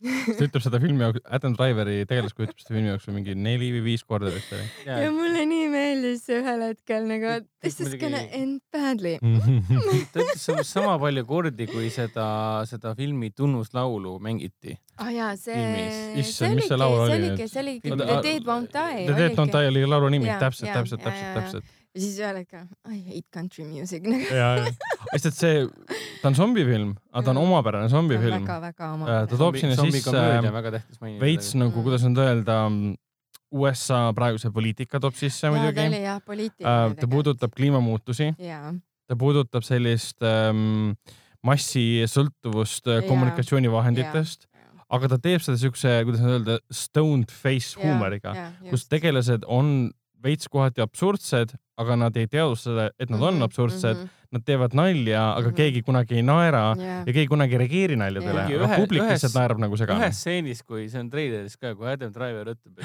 it's Jaa. zombies, siis ma nägin filmi teist korda ja siis ma vaatasin kinoekraanil, kurat, mulle tundub, et Bill Murray hakkab naerma ja kohe. mulle, mulle tundus ka, ta, ta ei tohtinud seal naerda, aga meele, meelega jäeti see duubel sisse, kus ta tundus, et jääb pidi Adam naerma. Driverile vastama Jah., what, really? jaa, jaa. ja siis see tundus, see suunurgad hakkasid Jaa. üles liikuma. zombis? aga noh, kogu see film tundus umbes niimoodi olevat, et Charmus ja Bill Murray Gäng. said kokku Jah. ja gäng sai kokku, noh, vanad, vanad Mm. kolleegid said kokku võtsid äh, mõne tee või õlle, ma ei Jaa, kujuta ette, mis nende eelistus on ja istusid maha ja vaatasid veidi, ma ei tea, Wes Andersoni filme ja Aki Kaurismäkit ja mõtlesid, et kuule, aga, me saame ka See nii on teha. kuule, aga paus, teeme äkki filmi koos, siis paus. Bill Murray, aga teeme äkki filmi koos. aga äkki teeme Uuesti. filmi koos, see on hea mõte. siis kutsusid, kutsusid Tilda Swintoni külla veel Jaa., siis ähm, Adam Driveri. Adam Driveri Tom, muidugi, Tom Waits kustuti välja kohe. Iggy Pop äh,, aa jaa, Iggy Pop. äh, siis see naine sealt äh, Netflixi seriaalist ähm, Kimmy Schmidt. Kimmy Schmidti seriaalist see Chardonnay zombi oli seal. Chardonnay ja Üks- Chloe üks- Svegni ja üks naine üks vanem naine suri ära, tuli zombina tagasi, esimene asi, mis ta ütles, oli Chardonnay, sest ta elus äh, olles jõi hästi palju Chardonnay'd. niisugune ja see muidugi see kogu film on austusavaldus ju äh, George A Romero loodud zombižanrile ja Mm. Romero omal ajal lõi selle eesmärgiga olla justkui tarbijaliku ühiskonna ja, ja äh, vastane vastane nagu, kritiseerida jaa. seda ja, ja täpselt, täpselt, mitte täpselt oma mugandustega teeb sama asja ka äh, Jah, aga ta jah. teeb seda nii nagu nii armsalt ja ta on nii, Mm, ta on nii kuidagi umbes nii, et ma olen Charmus, ma tegin filmi, nautige. jaa. aga kahjuks on jah, see film tõenäoliselt Eesti kinodesse ei jõua, võib-olla me näeme seda PÖFFi vahendusel Mina vaataksin hea meelega mina uuesti. vaataks ka kindlasti veel. ähm,. jah, aga tundubki, et meil on Cannes'i koha pealt jutud nagu läbi, et meil filme rohkem ei, ei näinud, nendest rohkem rääkida ei saa. võib-olla küll ma paari, küll ma, ma mainin selle ka ära, mida ma kahetsen, et ma ei näinud ja kindlasti ongi Terence Malicki Hidden Life, ma kahetsen, et ei näinud ja Robert Egersi siis Lighthouse. Ehk siis. Äh, The, äh, The Witchi režissööri uus film. jah seda ma kahetsen, et ma ei näinud, muidugi kahetsen, et ma Takeshi, Takashi Miike uut filmi ei näinud ähm,. midagi oli kindlasti veel, mida ma kahetsen. Iron Sky kaks oli seal, ma kahetsen, kahetsen, ma seda ei vaadanud. ja Iron Sky kaks oli seal ka, aga noh, Ähm, tead, eks seda saab ka teistel viisidel näha. ja seal oli nii mõndagi veel, et pärast lennukis istudes vaatasin kogu selle kava läbi jällegi, kus oli viissada lehekülge, igal leheküljel oli siis viis-kuus filmi ja avastasin sealt nii palju filme, mis olid seal olemas, aga sa lihtsalt tavakavast ei leia ja, neid, ja see on ebareaalne. sest nad ongi nagu industry screening ud, et vaatavad Mm. need inimesed, kes kaaluvad, kas hakata neid levitama jah. või mitte. teinekord teab, et kui sa ikkagi esimesel päeval kohale jõuad, siis tegelikkuses esimene, esimene päev on mõeldud selleks, et sa lähed paleesse, saad oma koti kätte, Mhm. Lähed istud kuskile muru peale maha, võtad Mhm. hea veini või hea kohvi või hea, hea palmi tee alla ma täiendan. Palmi alla. Eh, ja, ja li- mere äärde palmi alla samas selles mõttes, olgugi et seal oli väga halb ilm kohati, oli. täielik Eesti oli seal, Mm, Eesti tuli õudse, järgi meile. Eesti jälitas meid. Eestis täiega, oli see oli õudne, see oli 27 kolmkümmend kraadi, meil oli kümme seal. meil oli kümme kraadi. järgmine aasta üks asi, mis ma kindlasti teen, on see, et kohe, kui ma selle suure suure, suure paksu raamatu kätte saan, ma lihtsalt istun terve päeva rannas, vaatan selle kõik läbi. puhtalt, puhtalt sellepärast, et ma teaksin, et, et need X filmid, mida sa kohe tähele ei pane, jah, jah. et äkki seesama linastus on täna õhtul ja mina olen üks mingi sajas, kes sinna läheb, Mm. ainult sajas võrreldes mingi aga tuhandega kui. sa rannal istud, siis vaata, et tuuleke su selga ei paitaks. jah, siis on eh, lihas valu. sel-, ala, alaseljalihase põletik on selle nimi. Aga aa, paari sõnaga tahaks seda Jesse Eisenbergi õudusfilmi Aa, Vivarium. ulmekat Vivariumi ka mainida, et jutud käivad, et äh, ei tea veel, kas ta juba osteti ära või ei ostetud mingid levitaja osteti poolt- küll, ma nägin mingit Ikka nägid, uudist. ja, aga ma ei mäleta, see oli tõesti mingi a la paar tundi tagasi võib-olla, et keegi võttis selle endale, sest see oli tehtud äh, koos Euroopa rahastusega, minu arust meedia, meedia ja keegi ja no see näitleja, üks näitlejatest, see Imogen või see vist minu arust on see mingi Briti või, või Iiri näitleja, kes ta on. uh,. britt oli. et äh, selle kaudu tõenäoliselt nad siis said äh, mingisugused asjad ja jah, mulle meeldis algus kohutavalt, mulle meeldis algus kohutavalt kuni sellemaani, kus seal oli üks niisugune hallutsinogeenne stseen. aga pärast seda vajus ära, ma olen mm. lõpus väga-väga pettunud, et äh, ei kandnud lõpuni seda, et äh, kohe, kui hakkab nagu tulema vaatajal mõtteid reaalselt kümme erinevat viisi, kuidas ta oleks saanud seda lahendada või kakskümmend erinevat viisi, kuidas nagu seda lugu edasi jutustada ja ta ei olnud ühtegi nendest valinud ja ta oli kõige igavama ja ennustatavama viisi võtnud, siis mul oli No, niimoodi, et jõu. ei tal need probleemid nagu olid, et tal oli veits selle lühifilmi sündroom, et ta oleks nagu võib-olla kolmekümne minutilise lühifilmina paremini töötanud.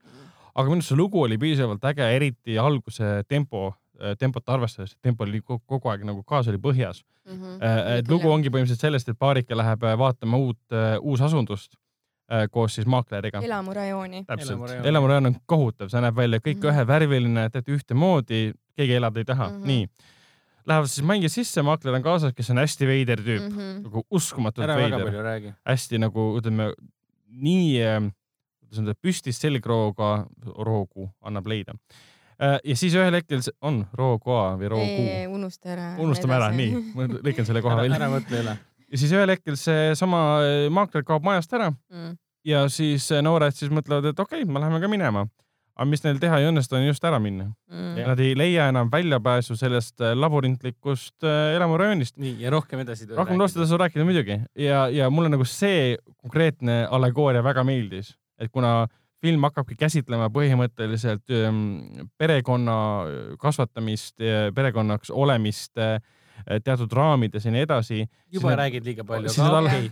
no põhiasju ma ei maini ära, aga selles Äh, mõttes, siin et ei olegi rohkem midagi tal, tal oli mainida. nagu teemad paigas, tal oli sõnum paigas, tal oli kõik paigas, ta aga lihtsalt äh, ühel hetkel ja visuaali poolest Jaa, on ta hullult ilus. väga stiilne, aga, aga lihtsalt ühel hetkel jah, nagu lugu ei jäänud mitte seisma, ta vaid arenenud, miks? need, ta arenes, aga need arengu vali-, valikud, mis ar seda Jah. arengut esile tõid, ei olnud kõige mm, usutavamad või sellised äh, veenvamad pigem. et äh, kogu aeg oli minul küsimus, et miks nemad, miks nüüd ja neid küsimusi tekkis järjest enam juurde ja need ei saanud mitte mingit lahendust ega vastust ega, ega ei olnud, osade filmide puhul on see, et mis nagu Nad on nagu nii sitad, et nad on nagu head või et noh, nad on nagu nii, nii kuidagi vastikud, et nad Mm. on head, onju, aga see oli nagu lihtsalt nagu lohakas kohati, et ma ei tea, kes, kas ta saab keegi vaadata, kes selle kirjutas, et et kas see režissöör oli ise ka stsenarist või, või, või kes, kes. ta minu arust oli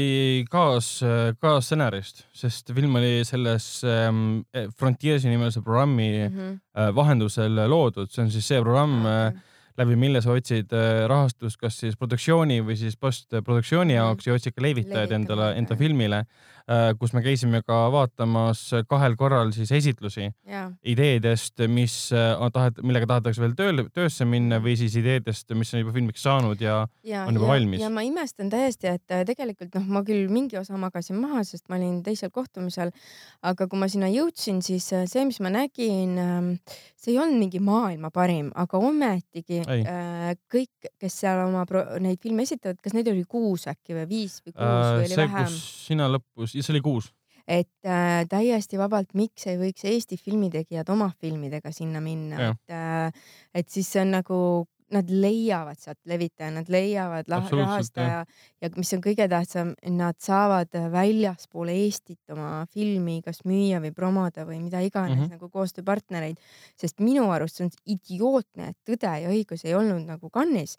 Ta oleks võinud ükskõik mis programmis no, olla lõtva nagu Lo- et- Lotte film oli ja siis ähm, Eia oli Eia ka. jõulud oli ka. Eia oli ka ja, et Eia, aga Eiaga on nagu ma tutvusin Eia produtsendiga ja tema rääkis, et Eia on ka kõvasti tööd teinud selle nimel, et, et nad on nagu kuskile jõudnud Mm. ja noh, samamoodi näiteks minu suur Eesti lemmikfilm äh, Skandinaavia vaikus, et tundub, see oleks nagu olnud tuhat miljon korda parem Mm. kui see kuradi Läti-USA koostöö Mercy noh. ja juba visuaalselt parem, eks ole, et äh, kõik need filmid oleks võinud vabalt seal olla, et äh, kes teab, noh, sa pead nagu ikkagi leidma tõesti mingi kanali, et film ei hakka ise tegema. absoluutselt, ei no tööõiguse puudumine Cannes'ist, selle peab välja uurima, ma tahaks teada, miks. kes on süüdi selles, et Eesti süüdi, vaid äh, ma tahaks teada neid äh, põhjuseid, miks teda seal ei olnud, et äh, praegu ma nagu ei näe, aga ma ei ole selle koha praegu informeeritud ka, et võib-olla on mingid selged põhjused, miks aga ta sinna ei nagu saanud. Eestis ei olegi ambitsiooni, et kui sa nagu Eestis suudad oma kolmsada tuhat vaatajat purki saada, et siis sa rohkem ei tahagi. ei no selles suhtes, kui mingi Welcome to Mercy linastub seal, siis Jah, palun väga, täpselt. miks ei võiks Tõde ja õigus no linastada? absoluutselt, et see Mercy oli ikka siukene, aa ja mis oli Mercy puhul kõige hullem, oli see, et ta nägi välja nagu meie esimese kursuse paviljoni võte. Ah, sa mõtled see- siis BFM-i esimese kursi ja kui meie olime rohelised äh, jublud äh, ja meil oli Jüras, Jüri Sillart, siis äh, ähm, siis oligi täpselt see, et see oli nagu siukene flashback oli kuskil täiesti olemas, et ähm, mm, et, et me ehitame oma kätega seda, seda, seda, seda, seda puitu ja yeah, plastikut yeah. sinna ja siis paneme kaamera siia keskele ja siis nagu operaator veel, kes on ka esimesel kursusel, tegelikult ei tea, kuidas veel kaamerasõitu teha. ja, ja siis kõik on siukene amatöörlik, põhtähega sõna ja siis äh, vot see tunne oli nagu sellel Mercy filmil ja, ja see oli õudne noh, vähemalt selles saalis oli äh, viis inimest kokku, nii et väga paljud ei pidanud äh, kannatama seda. võib-olla selle ühele inimesele, kes istus meie reas, talle väga meeldis. kes teab jah. nii, mõne sõnaga veel äh, viimastest äh, Cannes'i filmidest. Hendrik, äh, lõppsõna Vivariumi kohta. ma tahaks veel nii palju öelda, et te siin üsna põhjalikult kritiseerisite, noh, eks ma olen mingis mõttes. ei, mulle nõus, väga meeldis ma olen selle kriitikaga nagu nõus ka, aga mind en, ennast üllatas see, et olgu, et ma olen nõus sellega, et siin on väga palju potentsiaali, mis jäi justkui kasutamata, aga äh, minu meelest režissöör Lorcan Finnegan, kes oli ka siis stsenarist koos Gareth Shanley'ga, minu meelest nad said väga vägeva tööga hakkama, et sõltumata sellest, et nad väga palju potentsiaali just ära ei kasutanud, siis nad jäid endale nagu väga truuks, et nad jäid kindl kindlaks selles suhtes, et nad läksid nagu raudse lõpuni, et ta, ta küll kippus natuke venima, aga, aga õnneks nad ei läinud äh, lahtiseks või nad ei läinud äh, nagu rumalaks, ei neil lappama justkui, et ta jäi mm ühele visioonile väga kindlaks. ja noh, mulle näitlejad, sul on Imogen Boots, Jesse Eisenberg ja siis selle maakleri rollis on täiesti fantastiline mm -hmm. Oscari vääriline roll on Jonathan Harrise poolt.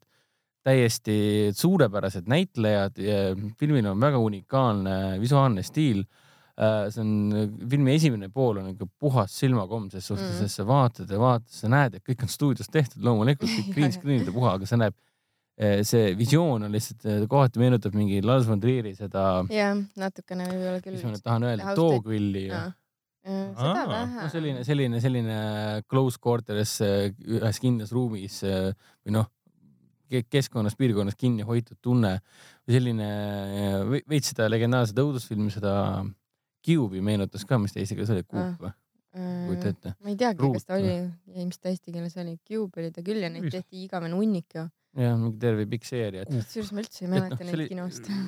minu meelest ta läheb väga mõnusalt läheb sinna selliste klaustrofoobiliste õudusulme trillerite sekka, et noh, väga kindel visioon. minu meelest on isegi võrreldav selle eelmise aasta, oli eelmise aasta suurepärase õudusfilmiga Hereditary ehk siis Pärilik e. eelmine aasta jah.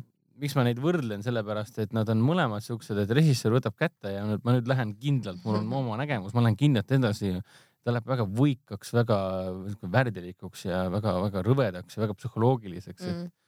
ja nagu ma arvan küll, et sellest filmist äh, saab nüüd, millal iganes ta peaks meile jõudma, tõenäoliselt aasta Äh, lõpupoole, sügisel, äh, talvekanti, mis iganes, aga ma arvan, et see saab väga head ähm, festivali ja, ja festivali kriitikat selles suhtes, umbes nagu juhtus Hereditariga ka, et selleks ajaks, kui ta Eesti kinodesse jõudis, olid tal nagu räme package oli selja taga, ehk siis kui sa paned Google, Google, guugeldasid Hereditary, sa said kohe vastaks selle, et aasta parim õudusfilm ja kus oli ka, mida nagu analüüsida ja neid teemasid nagu erinevate yeah. nurkade alt vaadelda. et kas ta just nii kriitiliselt äh, suurejooneline on nagu Hereditary ehk siis Vivia, Vivarium, aga, aga tõenäoliselt on üks nendest äh, highlight idest, mida hakatakse väga palju välja tooma ja ma väga ootan, millal ta jõuab äh, kinodesse, et saaks uuesti vaatama minna. mulle meeldis tõesti, see näitlejaid oli ju põhimõtteliselt kaks tükki ainult kogu aeg, aga ja. nad täitsid väga hästi ära selle ruumi ja, ja emotsionaalse sellise kaare ja kõik siuksed asjad, et ja, hästi mõnus oli. tõesti,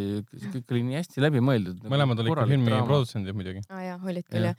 kuigi selle naise igapäevakostüüm oli minu arust kole kohutav ja see pani mind mõtlema, et mis siis, kui see kostüüm või noh, minu outfit või mis iganes milles minu riided on, mis mul täna seljas on. et, et kui need ongi need riided, millega ma pean nüüd mõnda aega vastu e pidama. elu lõpuni olema nii-öelda. et kas see on see, et ma tahaksin, et mul oleks siuksed riided seljas, et tal olid hästi koledad äh, mingid kingad või siuksed poolkingad, äh, paksu, paksu kontsaga kingad ja siuksed teksapüksid ja hästi-hästi kole teksapluus oli peal ja siis ma vaatasin, noh jah, see sobis sinna hästi nagu, aga see oli nii kole outfit, ma vaatasin ja mõtlesin mitu korda selle peale, et kurja noh. see on siis üks nendest filmidest, mis siis, kui äh, paneb mõtlema, et äh, kanna iga päev selliseid rõivaid ja. nagu täna oleks su viimane päev. jah, põhimõtteliselt küll aga uudistesektsiooni lõpuks äh, räägime muidugi jälle Christopher Nolanist ja sellest filmist, äh, mida siis väidetavalt Eestis äh, tehakse. vahepeal oleme teada saanud, et selle filmi nimi on Tenet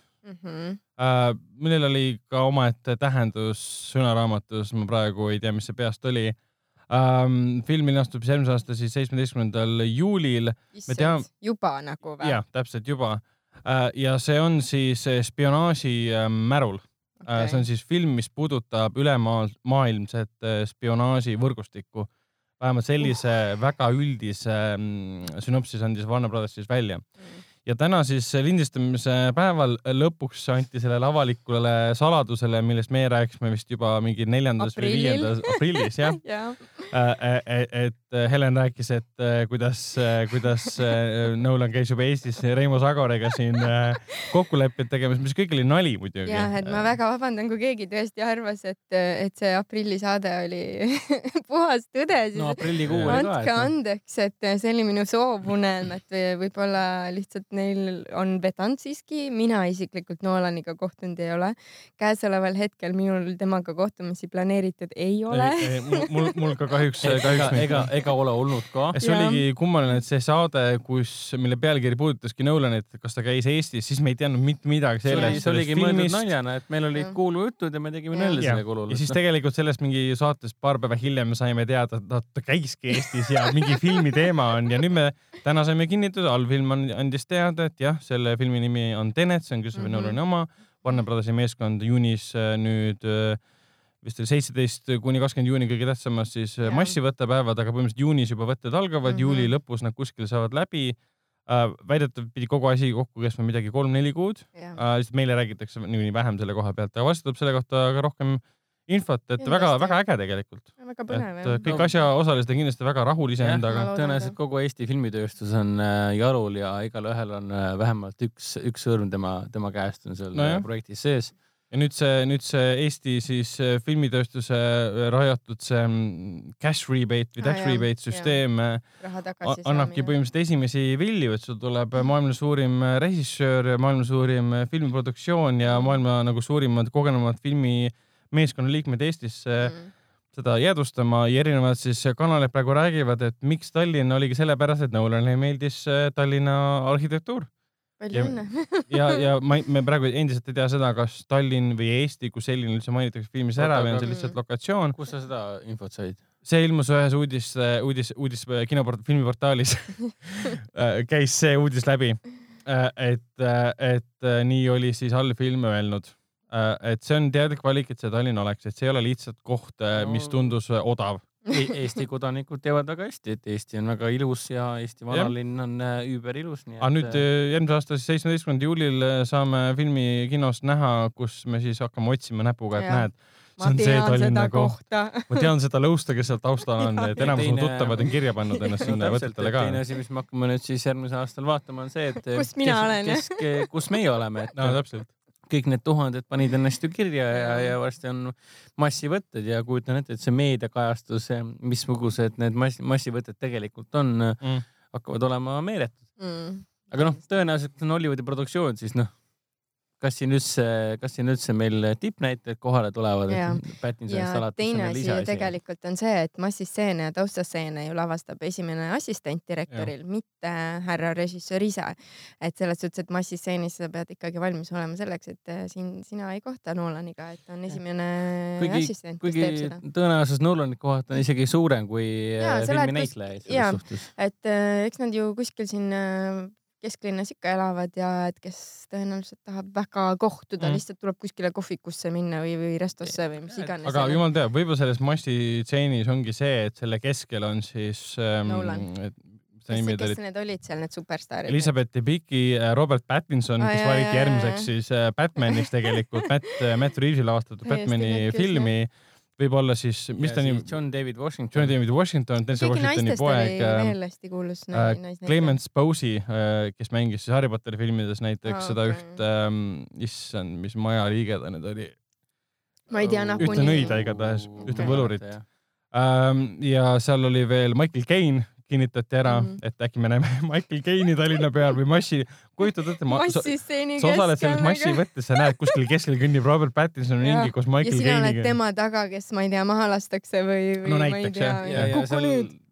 Kä- Castis on veel äh, näitlejate hulgas on veel ka Kick-Ass äh, Ah. Aaron Taylor Johnson ja Ah, muidugi õige ka jaa, jaa, kas tema oli ju, kas tema, oota, kus, kas, kes nüüd Fifty Shades mängis, ei olnud tema? Äh, Tema tema on, naine äh, lavastas aa, nüüd. tema naine lavastas, aga tema ise- selles ei mänginud. aga ta tavaliselt mängib ju neid mingeid hankmehi ja võtab särgi ära ja värki. ta viimati jah, Kick-Ass oli ja see Oliver Stone'i Metsikud oli see Savages ähm,, kus ta veel vahepeal on olnud? mängis ka Quicksilverit äh, seal Mm, mm, okei. tasuvõetu filmis. jah, oli, oli, oli tõesti, aga ei, väga-väga põnev ja väga äge. ka kõige tähtsam on ka see, et legendaarne äh, Kennet Branagh on ka ju täitsa, täitsa ühes rollis nii et äh, ma arvan, et see väga põnev juulikuu tuleb selles suhtes, et, et, et aga muidugi ei tasu loota, et siin mingid staarid kohe kohale tulevad, sul tõenäoliselt ongi, sul reisijal on kohal, Mhm. vaatab eemal telgist Jaa. äh, materjali otse Monitorist monitorist, jah, First AD lavastab, tõenäoliselt Hoitemann Hoitemann, kes on väga äge äh, äh, operaator.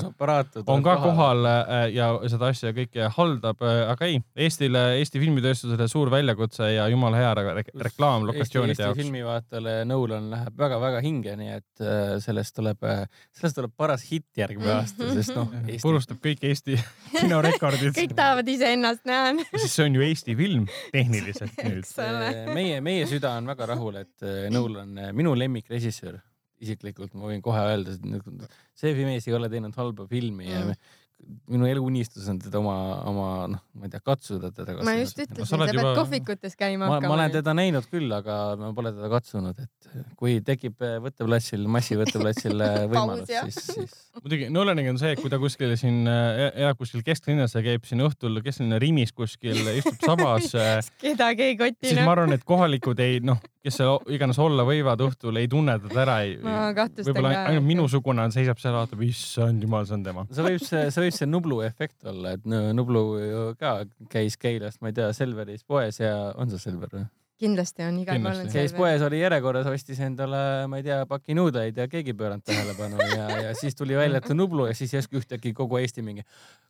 mul on tunne, et ma olen teda näinud varem, issand jumal, Nolaniga samamoodi, käid Rimis ära, lähed õhtul koju, keedad oma makarone, mõtled, et oi, kes mu taga seisis? kurat, kas see oli Nolan, jooksed tagasi lihtsalt, kell on kümme õhtul. aga kui Robert Pattinson ringi kõnnib kuskil, No siis siis ma kõik arvan, hordid jah. hakkavad seda, jooksma. seda ei juhtu, nad siin sõidavad samasuguste limu, Mustade limu, limu, klaasidega. mustade Mm. toonitud klaasidega autode ringi nagu Canneski. jah, täpselt. vot, aga sellega said meie uudised äh, läbi ja lähme edasi nädalavahetuse top äh, kolme juurde, kus siis esikohta ruulis muidugi John Wick äh, kolm Parabellum, mis ka maailmas lükkas siis äh, tasujad äh, lõppmängu troonilt. Oi, siinkohal tasub mainida, et äh, tasuvalt, tasuvalt lõppmängul on päris palju veel minna, et avatari senine, mis oli kaks koma kaheksa miljardit äh, rekord äh, purustada. tasuvalt lõppmängul on endiselt kaks koma kuus midagi, kaks koma seitse, ei, kaks koma kuus oli jah. et arvatakse, et tal ei õnnestugi seda teha, aga minu arust on aasta veel pikk, et see film ikka teenib lõplikult Selle... meil rahulikult kinodes ka. ma igaks juhuks tahaksin mainida ka seda, et kuna see saade tuleb ju laupäeval välja, eks. jah, siis mainiksime, et me räägime nädalavahetusest, mis on siis seitseteist kuni üheksateist. jah, et täpselt. muidu on, tekib vaata kuulajal segadus, et oota Kuna-, oota juba tulemused teada või? et noh, saade ilmub äh, hiljem äh, puhtalt äh, meie Cannes'i seikluste tõttu. Aga nädalavahetuse top kolme siis teisele kohale jõudis meie kõigi lemmik äh, detektiiv äh, Pokemon, Pokemon detektiiv äh, Pikachu, mis on väga-väga-väga äge, On sest jah. arvustus On on kinoveebis olemas, kus ma seda kiitsin, nimetasin seda kõigi aegade paremaks ähm,, parim äh, parimaks äh, videomängu ekraniseeringuks mm.. äh,, mis mille, ma olen selle state, selle lausega statement ikka, kurat, inglise keel tuleb vahele ikka, ütlus. ütlusega Seisukoht. täiesti, seisukohaga täiesti, täiesti rahul, et see nii on. ja kolmandale kohale on langenud äh, tasujad lõppmäng, millel on siis Eestis vaatajaid juba kokku nelja nädala peale kaheksakümmend kaks tuhat, üle kahe, kaheksakümne kahe tuhande, päris palju. mis on äh, korralik summa, et äh, miks mitte. vot, aga lähme edasi filmide juurde, kus ma tahtsin alguse, algselt rääkida Cannes'is nähtud filmidest, aga nendest me oleme juba tegelikult täiesti ära rääkinud. kas te Pikachust juba rääkisite ka kunagi või? jah, nüüd eelmises Jaa, ei,, jah, juba räägitud. eelmine saade, seal rääkisime hästi Okei. pikalt-laialt okay. Okei. Pikachust. aga mida oleme vaadanud siis kodus, ehk siis mida oleme Aa. vaadanud Netflixist, televisioonist, voogedastusteenustest. Helen räägib meile, mis asi on chewing gum.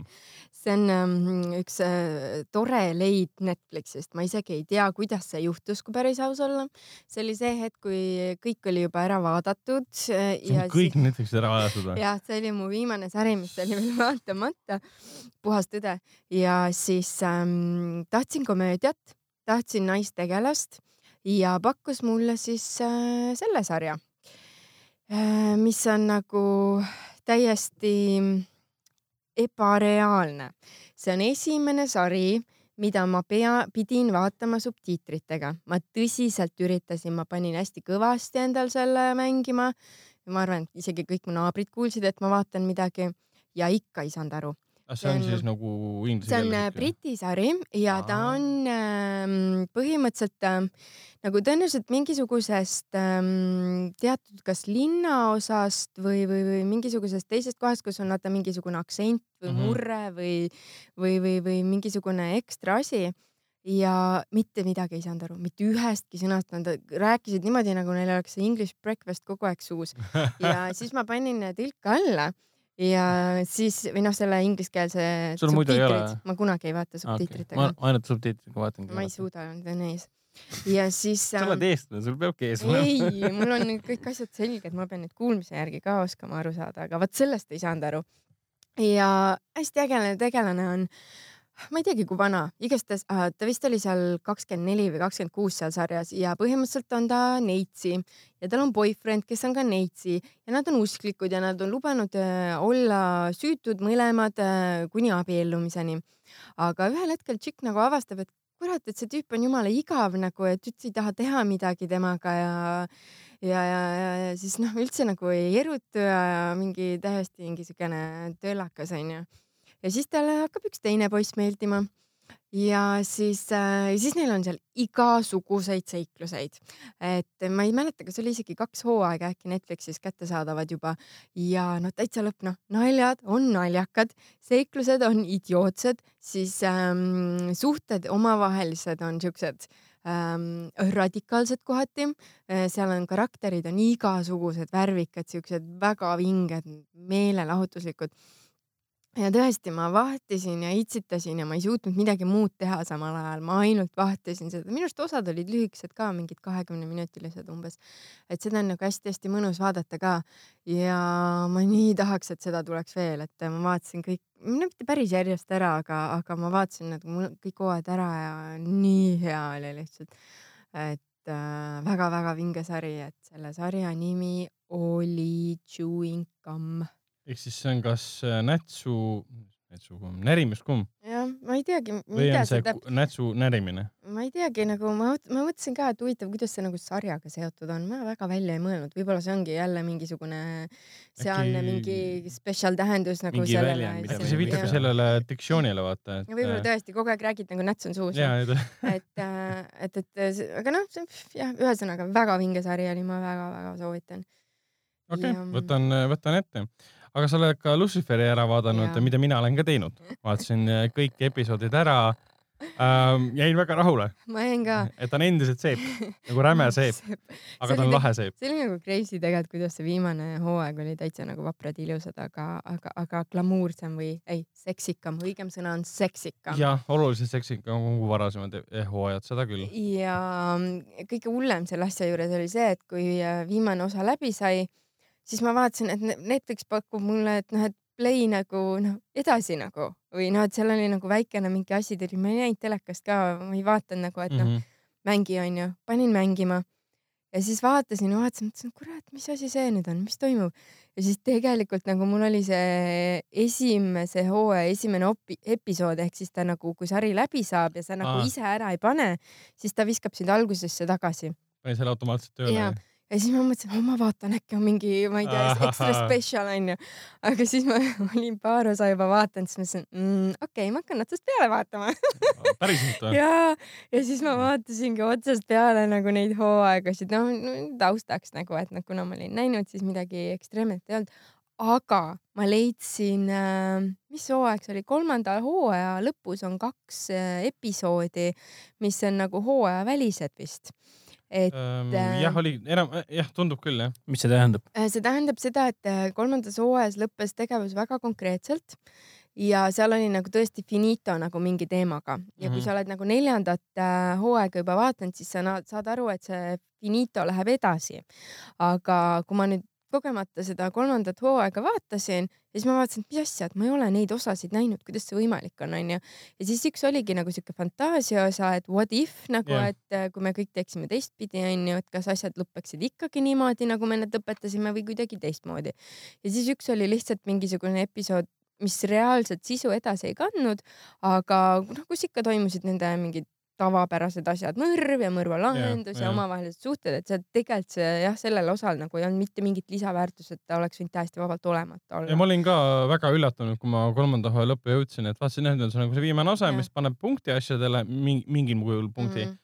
ja siis tuli kaks lisaosa, mis ma näen, see on, need on filler episoodid. ja, see oleks ja, pidanud tegelikult olema hooaja keskel, aga tõenäoliselt nad sinna ei sobinud. ja, et ja. me teeme nagu fännidele siis kaks lisaosa, mis tegelikult eesmärki ei oma, aga on nagu meelelahutuslikult kuna sa oled fänn. ja mulle väga hästi see toimis, sellepärast et ma vist panin need mängima a la või noh, ta käis, kui ma nagu a la pakkisin või mm. -hmm. midagi tegin nagu siukest äh, täiesti nagu siukest, et tahaks nagu mõtted mujale viia.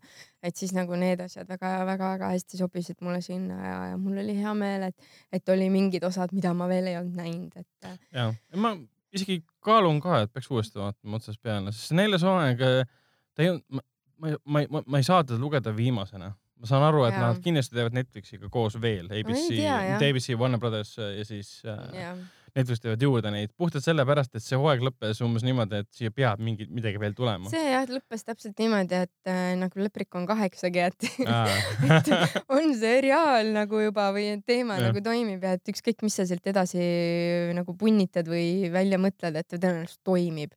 et kuigi, kui ta nagu nüüd on tõesti nagu läbi siis ta jah. nagu sellise lõpuna ka sobib, ja, ja, sest lõpuks nagu juhtus see, mida temalt esimese hooaja jooksul väga palju taheti. ja, ja, ja, aga samas ma ootan väga, et tuleks midagi juurde, sest ta natuke oli umbes niimoodi, et midagi jäi nagu kripeldama ja poolikuks ja ikkagi. teemasid tegelikult on, mida edasi rääkida ja, ja nii vägevad olid need ähm, ah, need karakterid kõik, kuidas nad olid seal maa peal ja kuidas nad taevas olid ja, ja, ja kuidas ähm, no see Tom Ellis on nii seksikas selle kuradi rollis, et no anna otsad lihtsalt, talle nii hästi sobib nagu. jah, ta on väga glamuurne ja väga-väga sümpaatne, Jaa. šar-, šarmantne lausa, et kui teda oleks Cannes'is näinud, siis ma lihtsalt oi, oleks oi, jooksnud siis oleks, tormi. siis ma oleks kõik nagu eest ära pühkinud. ja ma oleks, ma oleks sinuga koos jooksnud seal Jaa, nagu äh, täpselt. Ameerika jalgpallur Jah. täkl-, täklinud kõiki teisi eest ära, et äh, kasvõi kuskilt sabast kinni haaratud sõna otseses mõttes. Absoluutselt kindlasti.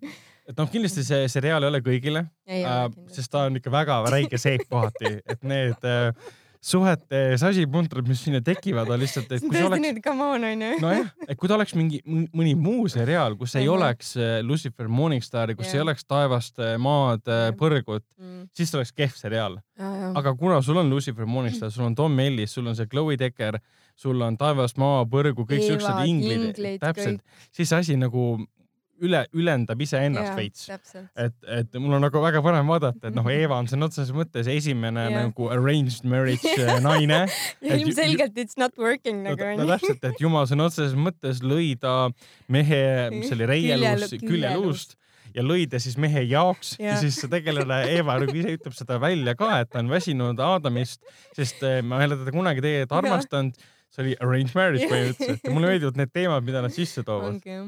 et seal on, kusjuures see neljas hooaeg oli mõnes mõttes ka sellise, kuidas nüüd öelda so,, sotsiaalse närvi poolest ka teravam. ja Äh, mõned sellised, kuidas nüüd öelda, politseivägivalla ja, ja ütleme, maailmas toimuv äh, peegeldus rohkem läbi, ja, ja see. Ameerika probleem, relvad ja, ja Jah, tumedanahaliste kiusamine ja kõik siuksed asjad, et äh, aga noh, selles mõttes, et äh, väga meelelahutuslik asi, Mm. mida ka jällegi, nagu sa ütlesid, taustaks vaadata Mm. aga ei, minu jaoks äh, töötab äh, suurepäraselt uh,. Hendrik äh, lõpuks äh, suutis vaadata, mitte küll lõpuni, aga veel mõned episoodid äh, sellest suurepärasest äh, Netflixi seriaalist ähm, Love, Death and Robots, millest me põhimõtteliselt rääkisime selle podcast'i seeria üldse alguses, esimeses, vist teises episoodis ka Te siin mind äh, hurjutate jah, et. sul on 11 ei, nädalat. me tunneme kaasa, millest sa ilma oled jäänud. üksteist, üksteist nädalat võtnud aega, et vaadata ära nagu seriaali kaheksateist Te nagu episoodi, mina hurjutate mind, et kuidas me ikka veel pole ära vaadanud, aga kui mul on siin nii palju episoode ühes antoloogia seriaalis, siis kui juba kaks tükki, kaks esimest, mis ma vaatasin, oli juba, juba nii head, siis, siis mul ei tekkinud äh, küll tunnet, et ma peaksin muude asjatoimetuste kõrval hästi kiiresti sisse ahmima, et äh, ja eile õhtul, üleeile õhtul tähendab, vaatasin, sa oled üks, kaks, kolm, neli, viis, viis osa vaatasin ära erineva pikkusega olid äh, väga lahedad, väga jäin rahule. et nagu minu meelest on see paras niisugune adresüst äh,, et kuidas nagu päeva äh, pidulikult õhtusse panna, sa vaatad midagi, okei okay,, kõik ei olnud päris nii head, kui peaksid olema, aga mm. mm. Sa vaatad ikkagi mitte uut ja huvitavat ja sind, sind tahetakse üllatada. ja nendest episoodidest oli üks oli Suits, siis Sucker of Souls, When the yogurt took over, Beyond the Aquila Rift ja Good Hunting. jogurti episood oli geniaalne minu arust. jogurti No, episood see oli oli tore, aga noh, ta on siuke väike kontseptsioonikas nii-öelda, et mis seal oligi, et jogurt võttis maailma üle. jah, et inimkond kogemata lõi intelligentse jogurti ja siis äh, võttis. Helen, vaata, et sa jogurtit ei söö või kõik jogurtiga ütleme halvasti läbi ei käi. ja ma olen väga viisakas nüüd oma jogurti vastu aga edaspidi. nendest, nendest episoodidest mulle kõige rohkem meeldiski Suits ja tuleta mulle meelde, milles see suuts oli? Suits oli see, kuidas need äh, farmerid elavad seal äh, tõenäoliselt planeet Maal.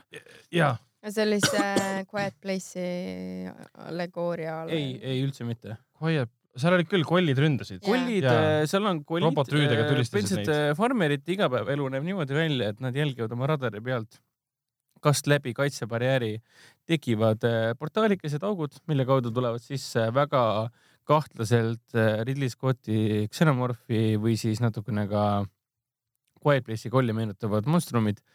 ja seekord siis läheb asi väga hulluks ja kõigil on oma mech-suit'id nii-öelda mm., meka, meka, kuidas seda eesti keeles öelda nüüd, mekarobotid, ronid sisse ja lähed kõmmutama rämedalt. ja nagu siin Pacific Rim põhimõtteliselt. veits jah, aga nad on siuksed väiksemad, et rohkem ta meenutab igasuguseid meka, mekamänge, kus sa samamoodi istud Mm. sees ja kõmmutad. aga siin ta meenutas mulle ka seda, kes selle asja nüüd lavastas, Paul Verhoveni, oli Paul Verho- Verhoveni seda Star... vabandust, Starship Troopersit meenutas samamoodi, et robotitega lähed, tulistad rämedalt neid äh, putukaid nii-öelda. eks ta oligi põhimõtteliselt see, et meie, meie loomi tulevad ründama putukad, see on umbes sama nagu sul on maasikapõld ja tulevad nälked. lihtsalt seekord on nälked inimsööjad ja hullumeelsed värdjad koletised. ta oli kohati räme klišee, aga kogu see, kogu see süsteem, mille peale see üles, üles oli ehitatud ja lõpuüllatus oli väga muhe, väga hästi töötas, väga lahe. Sucker of Souls oli jah, nagu Dracula teemaline. Ta lõppes liiga kiirelt ära. Tuleta mulle meelde jälle. no läksid seal äh, vanasse kuskile krüpti ja siis avastasid sealt äh, Dracula, kes hakkas neid taga ajama. see oli tuus. ei, ta oli väga tuus, aga, aga mind See ei häiris. lõppenud minu arust. Jah, täpselt, mind häiris see, et ta justkui lõppes. ta oli nagu mingi pikema loo algus. justkui, justkui, et noh, nüüd tulevad algustiitrid, ma vaatan edasi, aga noh, ta lõppeski ära, et kui eel, eelmised on rohkem nagu väga kontsentreeritud just see, nendele minutitele, siis see nagu seda ei olnud. Ja mis mulle väga meeldis veel, oli see Aquila Rift ja Good Hunting, et äh, Aquila Rift on ka siuke kontseptsioonikas põhimõtteliselt, aga ta on väga selge alguse, arengu ja lõpuga. ja, ja Väga siuke traagiline lugu ka Event äh, Horizoni stiilis äh, ulme õudukas põhimõtteliselt. ja, et äh, kosmoselaevast, mis kaob äh, kogemata mm, kosmose Kuskile. sügavustesse ja sealt tuleb mingisugune tea, kohutav äh, tõde tuleb välja. kohutav tõde, tõde ja kohutav äh, nii-öelda mõistatus, mis selle taga tegelikult on. aga Aquila Rift tegelikult põhineb Alasta, Alastair Reynoldsi samanimelisel äh, raamatul. nii et äh, kui kõik hästi läheb, siis äh, võiks ju sellest, sellest kindlast loost, on kogumik tegelikult ja üks nendest lugudest selles kogumikus on siis Beyond the Aquila Rift, et kui hästi läheb, siis needsamad tegijad võiksid ikkagi päris filmi valmis teha, kuna selle oli tehtud CGI animatsiooniga, arvutianimatsiooniga mm., mis äh, jäljendab peaaegu et perfektse täpsusega noh, filmi. ja, Mhm. ja mul oli nii raske aru saada, et kas see siis nüüd on päris näitleja või ongi see animatsioon nagu, reaalselt ka noh, sest mul ei ole Netflixi kõige kõrgem kvaliteet võetud ja nii et selles suhtes mul on jumala raske aru saada, sest noh, mul ongi see, et ma ei vaata tihti, et ma lihtsalt pigem kuulan taustaks või noh, tead ühe silmaga vaatan. ja siis oligi see, et ma ei saanud aru, ma jumala eest arvasin, et ongi päris inimesed, aga mingil hetkel nagu mingid asjad tulevad nagu sisse siis vaatad, et ei, et see ei ole green screen, et see on, see on nagu ikkagi kõik on animatsioon ühtemoodi. äh, seda ma, ma isegi mõistan seda ja, et mul seda probleemi ei olnud, et noh, võib-olla see ka, et ma olen elus nii palju neid mm. Mhm. arvuti või noh, videomänge mänginud, kus iga siis on teine vahevideo, sa, noh, sa tunned selle liiga nõtke liikumise Mm. mm. ja ja noh, kõige raskem asi, mida, mida üldse eh, animeerida on inimese nägu emotsioonid ehk siis sa tunned selle kohe ära, see suu mingi imelik liikumine ja nii edasi, et noh. Aga muidu väga äge lugu ja ma tahaks näha, näha küll seda pikemat see oli varianti. creepy, see oli tõesti, see oli hullult creepy, ma nagu igast asju, et äh, mis siis nagu Ja, saab ja, ja- ja kus sa oled ja mis ja toimub. lõpu, lõputi vist oli mõttes nagu Ma ei mäletagi ebatraditsiooniline, noh, ta vist, no mees me avastab võime ju et-, me, no igatahes ta peategelane avastab, et kõik see, mida ta on läbi elanud, on vale. jaa. Seda sa mäletad, jah? ja, ja, ja. et see aga... Mingisugune väga rõveda väljanägemisega Monstrum. tulnukas põhimõtteliselt, monstrum Mani, siis. on teda manipuleerinud, aga mulle meeldis just nimelt see, et see ei olnud äh, äh, vaenulik äh, halbade tõesti, tulnukas, see oli tema elu lihtsalt või Täpselt, temal oli et- see, see et- keskkond oli tema oma. täpselt see, see tulnukas tegi seda kõike ainult selleks, et isegi mainis seda, et me, me, me ei räägi, mida ta tegi seal, sest mm. -hmm. igaks juhuks inim- inimene tahab näha, aga see on, twist oli sellepärast lahe, et äh, tulnukas nagu ütles seda, et ma teen seda sinu pärast, et ma teen sulle head tegelikult, sest sa oled niikuinii siin ja sa ei saa Mhm. enam välja. Mhm. et äh, mulle see väga meeldis ja seda, see ta väga mm. traagilise mõõtme andis juurde, tavaliselt on ikka kõik nii vaenulik ja, ja, hävitavad ja vot see tapavad. tunne mul oligi, et äh, ma tahaks nüüd teada, mis sellest mehest saab või mis nendest teistest sai või, või kus ta on või miks ta on, et noh, selles suhtes seal oli siuke tunne küll jäi, et noh, et tahaks veel, et võib-olla sellepärast mulle see osa nii väga ei meeldinudki, et see nagu ei lõppenud otseselt. aga iseenesest tegelikult oli jah, see oli, see oli hea point ja, ja, ja vinge siukene esitlus selles, selles loos. Mhm, mhm.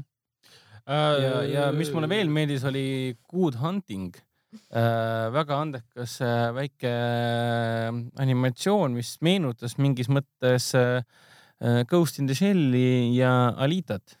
Tuleta mulle jälle meelde.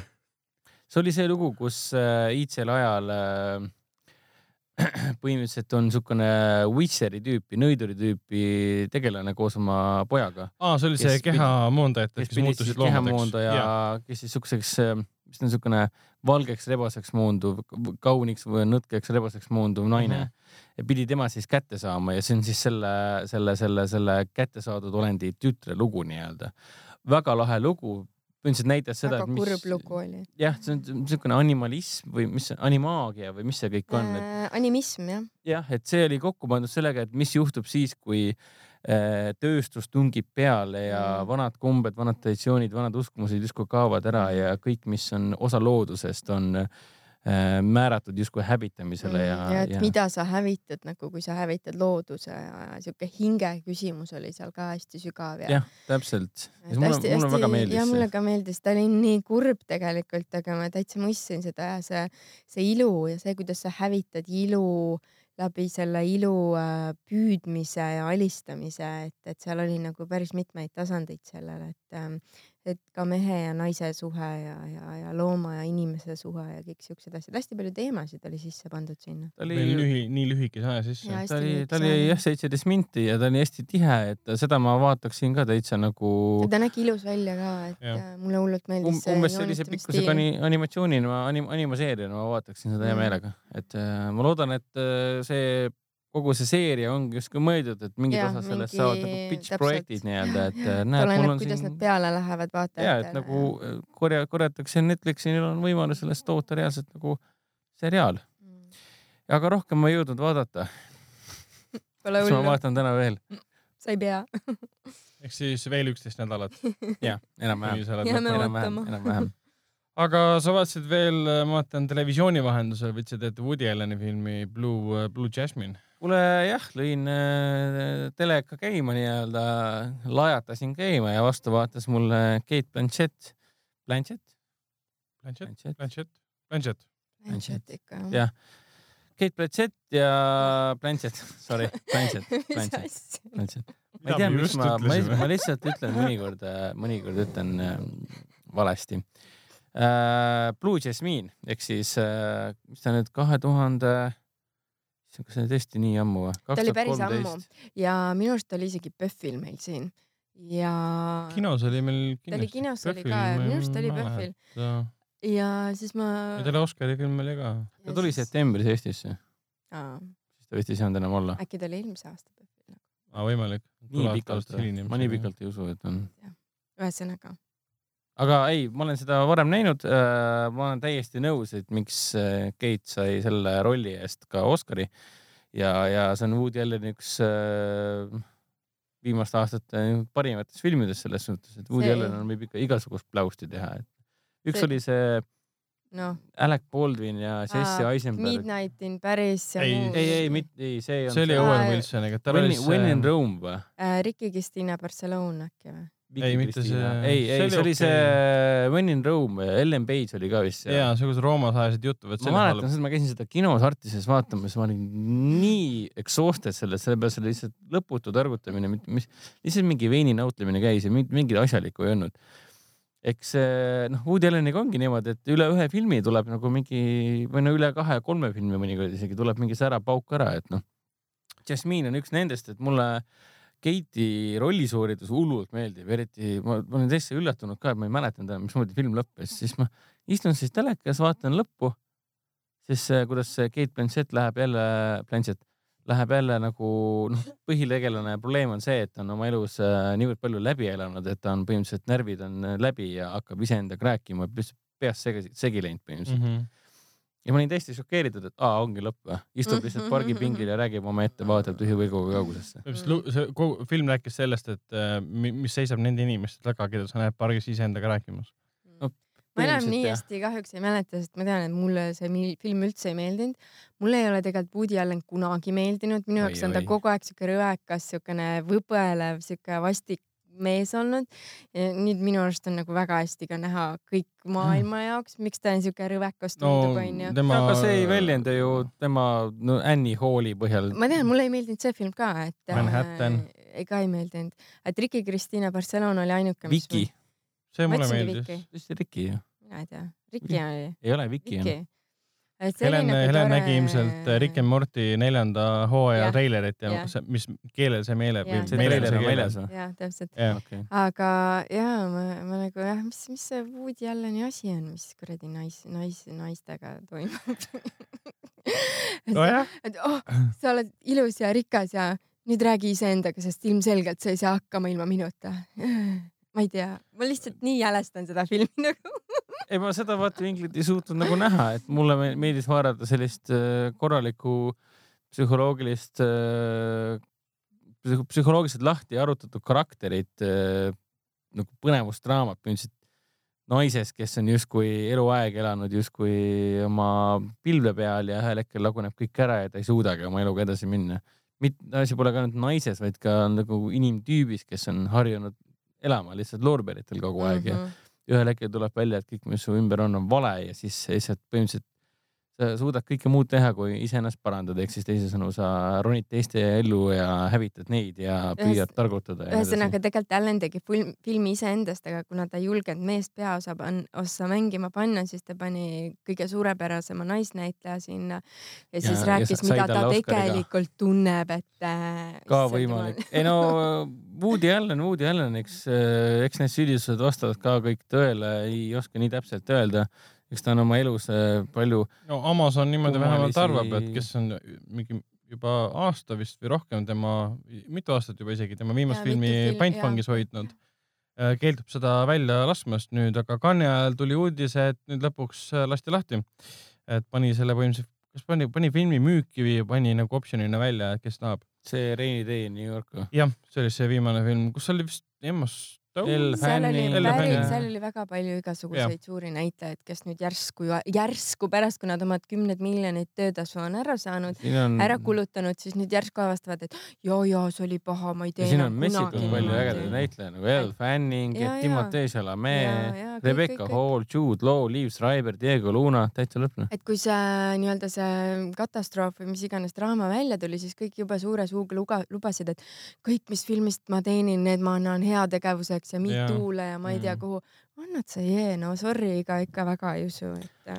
ma tahan arvet näha. ei no Woody Allen, Woody Allen, eks, aga tema filmid, nii mõnigi tema film on ikkagi, ta on ikkagi kinolegend selles suhtes ja tema filmid on ikka kinoajalukku läinud ja Blue Jasmine on mulle väga-väga südamelähedane. mulle, mulle meeldib see, kuidas ta on seda, seda kirjutanud ja seda lavastanud ja see on minu meelest on para-. see film minu silmis on niisugune meistriklass, kuidas teha nagu karakteridraamat. Täitsa tõsi. ma olen, ma olen väga kontroversiaalne praegu, ma tean. ei, selles mõttes, et see, et sulle meeldivad äh, Woody Alleni filmid, ei, ei muuda seda. nukrameelsed naiskarakterid, et see ei ole nagu meile üllatus. Jah. no see ka jah, aga see, et inimesele meeldivad oli? äh, Alleni filmid, ei tähenda, et äh, inimene oleks kuidagi halb äh,. Allan võib olla halb, inimene, kellele meeldivad Alleni filmid, ei, see ei muuda teda halvaks äh,. Küll aga, kui sulle meeldib äh, Troonide mängu äh, viimase hooaja viimane episood, siis äh, see on siis läbi siis nüüd või? jah, siis see teeb Okei. sind küll halvaks, mis juhtus siis? väga palju juhtus, aga see viimane hooaeg kestis ainult äh, kuus episoodi, kogu aeg tekkis küsimus, kuhu kiire on jah. ja iga episood, ütleme esimesed kolm episoodi olid minu arust väga head, Mhm. kõik töötasid, aga alates neli, viis, kuus, viimased äh, kolm olid siis kõik, umbes niimoodi, et alates kolmanda episoodi lõpust. Läks, läks ainult allamäge okei, lõpp ka jah, sest ta mõjus umbes niimoodi, et äh, meil, me oleme nüüd siin seitse hooaega karakterid arendanud, kaared väga mõjusad, välja joonistanud, suurte pintslitõmmetega arendanud ja siis me otsustame, et ah, mõne stseeniga me lihtsalt lõpetame kõik tegelased ära. kõik tapeti maha ja. ei, ei, asi pole tapmises äh,. lihtsalt muudame karaktereid täiesti vastupidiselt sellele, millena on kui või kellena on neid arendatud. seitse hooaega oleme neid karaktereid arendanud kindlas suunas, kes saab lunastust, kes Jah. ei saa ja mis iganes. ja siis kaheksandas hooajas mingi, ah õigus, meil on, tead, aga teeme äkki niipidi ja suvase kogu see arendus, mis me oleme seitse hooaega teinud. et no lihtsalt Kogu aeg ta- tehti sama asja ta see muutus on- nagu action, action seriaaliks, et äh, looarendus ja sisuarendus ja tegelaste arendus asendati nii-öelda märuliga. Kuna oli vaja siis kaks lahingut ära teha surnutega ja siis äh, Cersei Lannisteri vastu King's Landingu vastu. kõik, mis puudutab lavastust, on nagu metsik. meistritöö, see lihtsalt. lihtsalt kõik produktsiooni koha pealt, see on ületamatu, on absoluutselt kui, täiesti kui. ikka draakon purskab tuld ja seal samal ajal äh, linn hävineb nii-öelda, siis see on ikka Mm. metsik ja vaatepilt. samamoodi näitlejatööd lihtsalt nagu andke kõigile Oscar lihtsalt, see on kas nagu äh, hämmastav. mingid draakoni beebisid sündis ka juurde või? ei, neid juurde ei, enam ei tule. miks? võib-olla tuleb üks, üks on, üks üks on nagu üks on alles jah. ei saa väga spoiletada um,. selles mõttes, ja troonide mäng on läbi, nüüd, nüüd spoiler. selles mõttes äh, jah, see viimane hooaeg, eriti viimane episood oli väga vastuoluline, fännid vihkavad seda, väga paljud fännid tähendab oota vihkavad., aga siis ei olnudki õnnelikku lõppu või? Oli mõnede tegelaste jaoks Mm. mm.. siis tehti ka petitsioon, kus to- toodi see välja selle, et jah te, teeme kaheksanda hooaja uuesti mida siis näitlejad, eriti eh, siis Sophie Turner ja teised, Kit Harington nimetasid nagu solvanguks, et me oleme kümme Okei. kuud oli, toimusid võtted, postproduktsioon, jumal teab, kui kaua kõik nägid Mm. mm. jumala palju vaeva ja nüüd teile ei meeldi, et teeme uuesti, et mis asja. okay..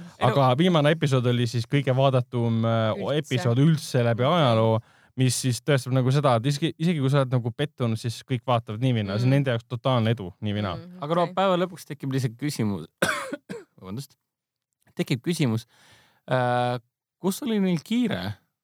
miks oli vaja teha kaheksandas hooajas, viimases hooajas Mm. ainult kuus episoodi, millest neli kestsid poolteist tundi? ma ei tea, ma tundi. tõesti ei tea.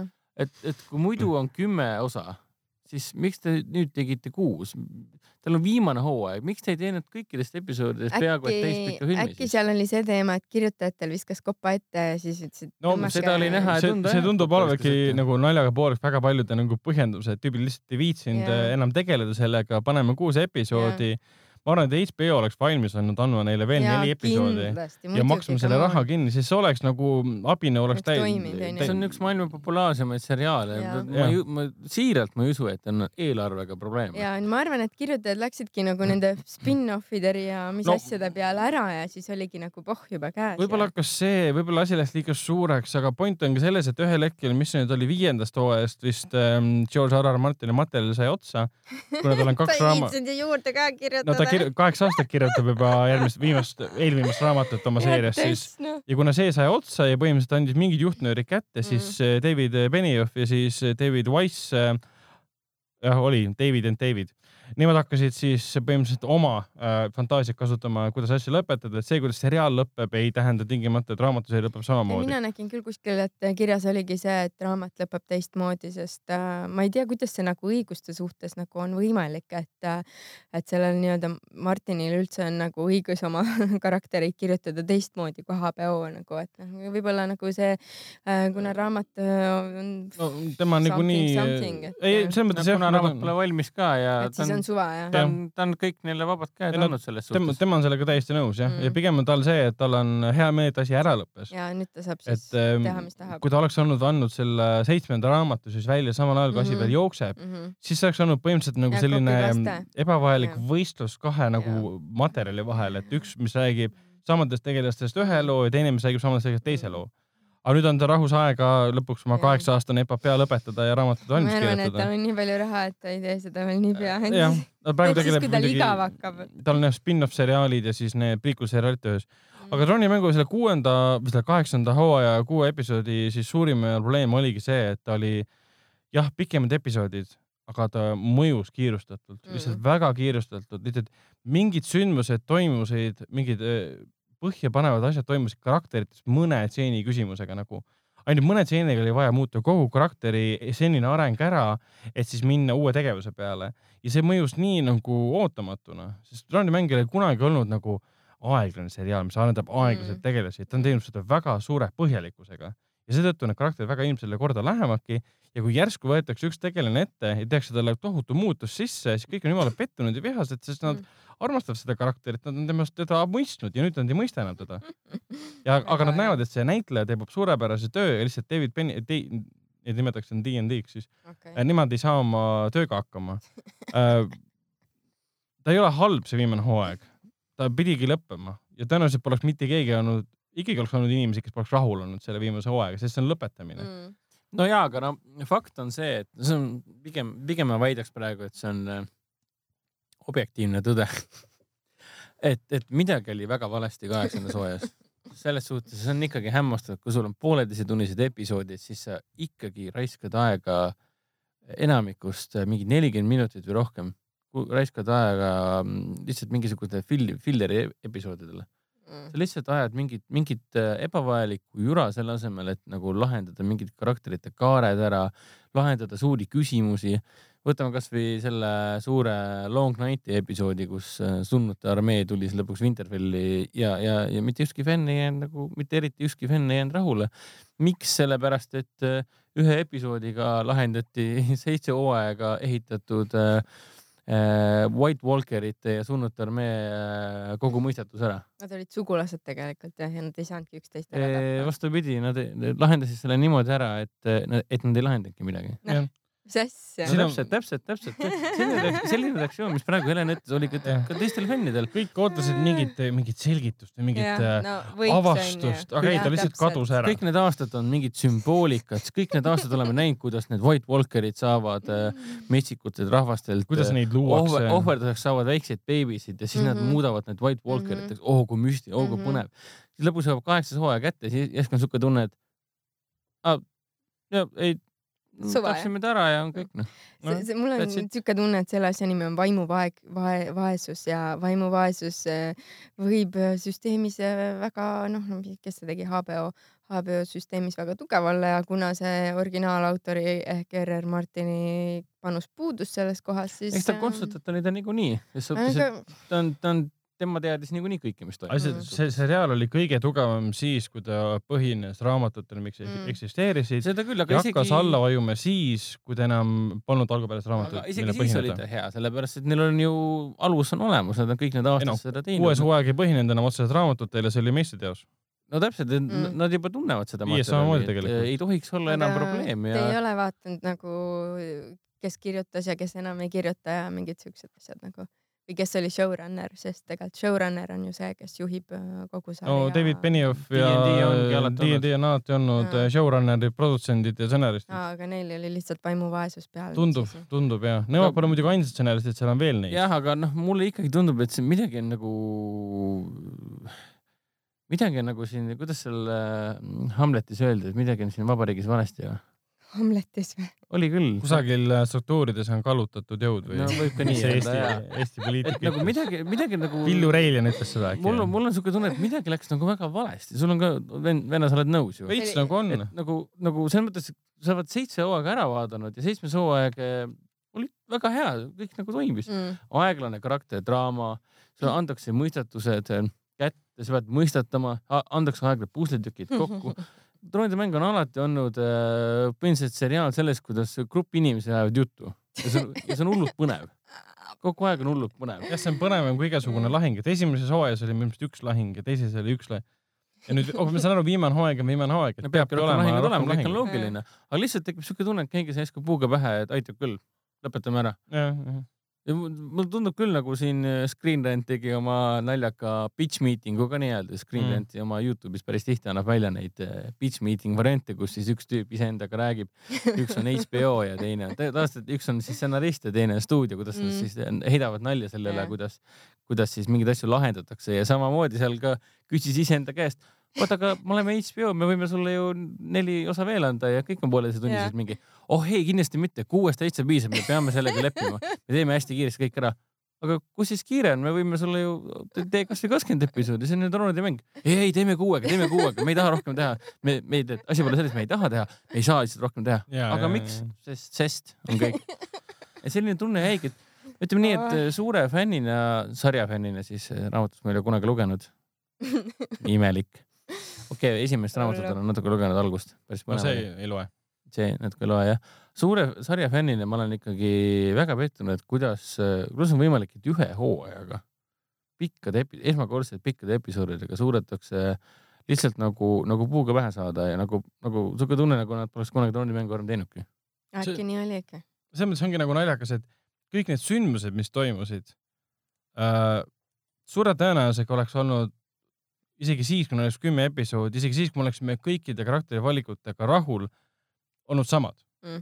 aga antud juhul jäi mulje, et nad ei arendanud, neil polnud aega või no ise tekitasid olukorda, kus neil pole aega karaktereid arendada, et põhjendada neid valikuid ja neid pöördeid, Mm. mistõttu need kõik need sündmused mõjusid umbes niimoodi, et miks see nüüd juhtus praegu, miks seda siia vaja oli. mingid ülirumalad sündmused pannakse sisse, et tekitada mingi järgmine sündmus ja Jah. siis Mm. karakter Et nagu- nagu, reageeriks sellele ja nagu siis me stsenarist- ootamatult muudame karakteri, keerame kae, pea kae, kahe, kaela kahe, kahe korrani ja ütleme, nii, nüüd on kuri ja. Jah. ja siis publik mõtleb, aga ta pole kunagi seda olnud ja nüüd järsku on või? Äkki nad lõikasid nii palju välja, et äh, seal mingisugused asjad nagu kogemata lõigati välja, mis ei oleks pidanud lõikama või lõigatama, sest nad ju filmivad alati niimoodi, et seda materjali on üle nagu ma ei tea, võib-olla lasevad mingi director's cut äh, viimase hooaja välja Mm. aga lihtsalt minu arust need kõik sündmused võivad samaks jääda. ja ikka ei parandaks miskit jah. et, et selles mõttes ta para-, täpselt, ta parandaks, kui saaksime tegelastega rohkem aega veeta. Mm. jah, kui nad oleksid rohkem äh, liha luudele pandud, kui teatavad nagu uskumatud pöörded oleks loogiliselt välja arendatud mm., et ta ei oleks mõjuks uskumatuna, vaid mõjuks loomulikuna. aga nüüd on see umbes, et seal on kohati siuksed kohad ja siuke tunne, et nagu scenarios, et aa, me nagu unustasime selle ära, lihtsalt tegime selle nüüd niimoodi, et aa, see vist oli niimoodi, aga me unustasime ära, sest kes enam mäletab, seitse hooaega käinud juba ja umbes niimoodi. Oh, ma tundus, tundus lohakas. ma olen näinud ka siukseid sarju, kus ähm, kuna noh, ma olen liiga suur fänn ja vaatan mingeid asju niimoodi, et ma vaatan esimesest hooajast alates kuni mingisuguse mis iganes hooajani ja siis äh, mõnikord sa saad aru, kuidas stsenarist ei tea lugu Mhm. Äh, ühes kohas oli küll niimoodi, et ma mäletan, et oli mingisugune action ühes sarjas ja siis oli see, et oh, lähme keeglit mängima ja siis kõik läksid keeglit mängima ja siis a la üks või kaks hooaega hiljem nagu siis üks tegelane ei saa aru, mis asi see keegel on, onju. no, noh, ja et noh, et nagu tõesti noh, minu arust nagu väga paljudes sarjades on olnud niimoodi, et noh, võetakse uued kirjutajad ja siis äh, need aa Family Guy's ka, Family Guy on ka üks nendest asjadest, kuna noh, see on a la nagu Simsonid juba, kus on nagu kõike enam-vähem tehtud, Mhm. aga Simsonid on väga hoolekad ikkagi selles, mida nad kirjutavad ja kuidas nad kirjutavad ja mis tegevused toimuvad. aga Family Guy's on olnud küll niimoodi, et nagu mingid asjad nagu nad on ära unustanud, mis on nagu jumalast tähtsad olnud mingis hooajas ja siis järgmises või ülejärgmises või kus iganes hooajas, kas tuleb uuesti see teema või käsitletakse seda hoopis teise nurga alt, et noh, et see see on kuskilt nagu ja noh, ma ei tea, põhimõtteliselt see võiks olla showrunner'i töö, kes teab kogu sarja, et, et jõu-jõu nagu jõu-jõu onju, täpselt, aga Trooni mängul ongi armastatud showrunnerid, seitse hooaega okei okay,, kuus hooaega kõik on noh. nii armastanud ja nad on oma tööga suurepärast hakkama saanud alati peaaegu ja nüüd siis sa vaatad nagu, mis, mis juhtus, kas te tõesti nagu meelega kiirustate, et asi ära lõpetada, sest jällegi see viimane hooaeg töötaks, kui ta oleks olnud kümme episoodi, Mm. kui oleks natukenegi aega tegelastega olla, et seal on mingi üks hea näide näiteks on see, et äh, kas võime spoilerdada mingil kujul või? mida sa, mis näidet sa mõtled? see, Danny draakoniga lendamas ja siis siis muna kukkus see oli välja. ju, Ei, see ei. oli ju. Need on kõik meesdraakonid. Vau, No- see oleks keeruline olnud, aga no Seal- never know, et. üks, üks hea näide on näiteks see. see oli siis eelviimane osa. jah, sul on äh, Daenerys Targaryen äh, suur juht, kes tahab siis King's Landingu üle võtta, lendab draakoniga Ta, äh,. tal oli kolm draakonit ja esimene draakon sai surma väga jah loogiliselt., täpselt, nii pidigi juhtuma, see oli arusaadav. öökuningas võttis oma öökuninga oda ja tappis ta ära. Jah, nii. nagu seal oli kaks noh, draakonit alles, nad olid surnud ära tapnud, kõik äh, olid rahul, kõik olid õnnelikud, nii. siis nad läksid King's Landingu poole, et siis Cersei Lannister maha võtta. Lendavad seal taevas ringi, nende laevad on lähenemas neile, kaks draakonit ja Dani on ühe peal. jah, ja siis järsku tulevad odad, mis tapavad ühe draakoni ära. kus kohast see? vee pealt, kus kuskil lampi nurga tagant ilmusid sa, sa, välja saarek, saar, saarekese nurga tagant tulevad ilmus laevad. laevastik, kus on siis tapja. Scorpioni nimelised nagu ammud on peal. Mhm. ja see, see tekitas kohe absoluutselt küsimuse, oota, kuidas sa ei näinud neid? Mhm. oota, miks sa üldse draakoni otsas siis oled nagu? miks Nagu- sa üldse lendasid sinna? Et- sinna? mis, vah, sa oled nagu skaut, sa põhimõtteliselt peaksid nägema kõik, mis all toimub ja sa ei märganud laevu. okei okay,, sellega võime aga leppida. ikka tekib see, et kas ma peaksin tõesti uskuma, et Daenerys Targaryen on siis nii uhkust täis ja nii Jah. vägev, et ta ei vaata paremale ei vasakule, ainult otse või?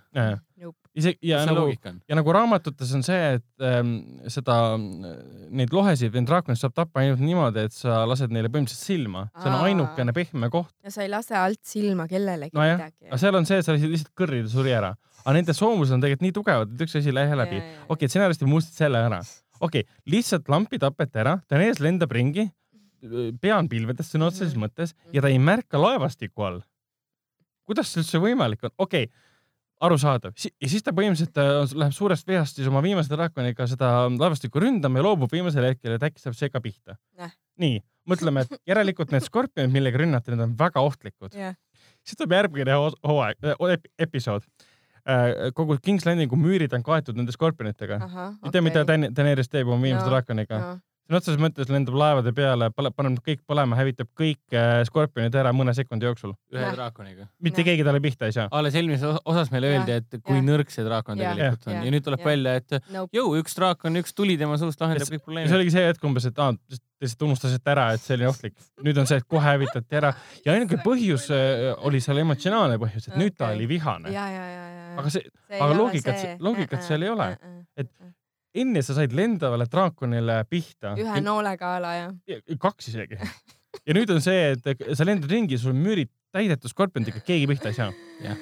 ahah, dramaatilise efekti, huvides väga tore äh,, efektide mõttes üld, üld, üleüldiselt väga tore, aga kõik muu loogika. loogikat ei ole, lihtsalt visati koos, ma ei tea, kellega aknast välja. ehk siis jah, troonide mängu viimane hooaeg oli pettumus, aga eelmised seitse olid kõik väga ägedad. Ma arvan, et kuskil paari aasta pärast või isegi aasta pärast ma olen äh, täitsa valmis äh, kogu seda seeriat uuesti vaatama. mm..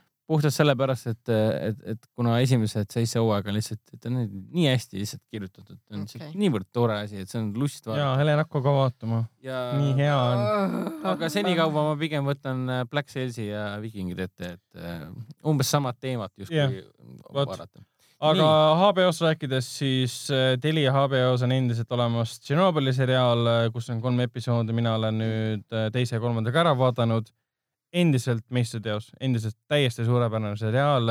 Jared Harrise ja siis Stellan Skarsgardi omavaheline ekraanimäng on lihtsalt vapustav. see seriaal, ta ei ole dokumentaalfilmilik, aga ta, nagu peaaegu et nagu dokumentaalse täpsusega ta näitab seda, neid sündmusi, mis juhtus nii valitsuses koridorides, teadlaste peades, kohalikes, eriti nendes likvideerijates, kes saadeti sinna siis asju puhastama, kes teadsid, et põhimõtteliselt elusana tagasi ei tule. selle seriaali õhustik on hästi võimas, et sul endal lihtsalt saab mõnikord paned pausi ja paned, hoiad peas kinni, et kuidas said inimesed nii lollid olla, mis nii keeles rumalad. see sari on? ta on inglise keeles täiesti Okei.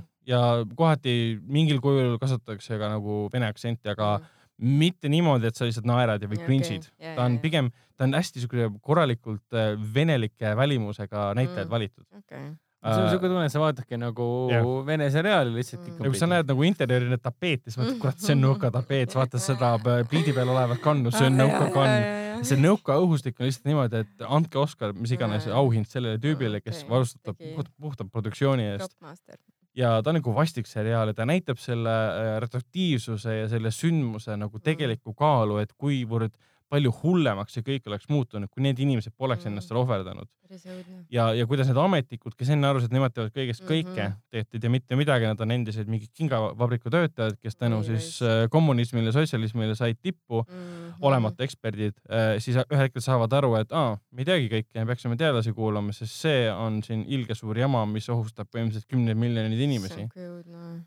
aga jaa, tõesti vapustav asi uh,. mida ma veel vaatasin uh,, See you yesterday vaatasin ära lennukis, see on siis Netflixi film, mis on siis Spike Lee produtseeritud, see on ajarändefilm uh,, mis põhimõtteliselt on siukse sotsiaalse närviga loodud, mis ka noh, peegeldab veits siis tänapäeva USA sündmusi, eriti mis siis uh, puudutab siis um, ütleme niimoodi, et äh, valgete politseinike ja siis mustanahaliste meeste konflikte aga seal jah, on üks noor poiss ja noor neiu, kes siis põhimõtteliselt leiutavad ajamasina ja tahavad sellega siis mingile kohalikule, isegi üleriigilisele võistlusele minna Mm. et siis saada oma tee parimasse kooli.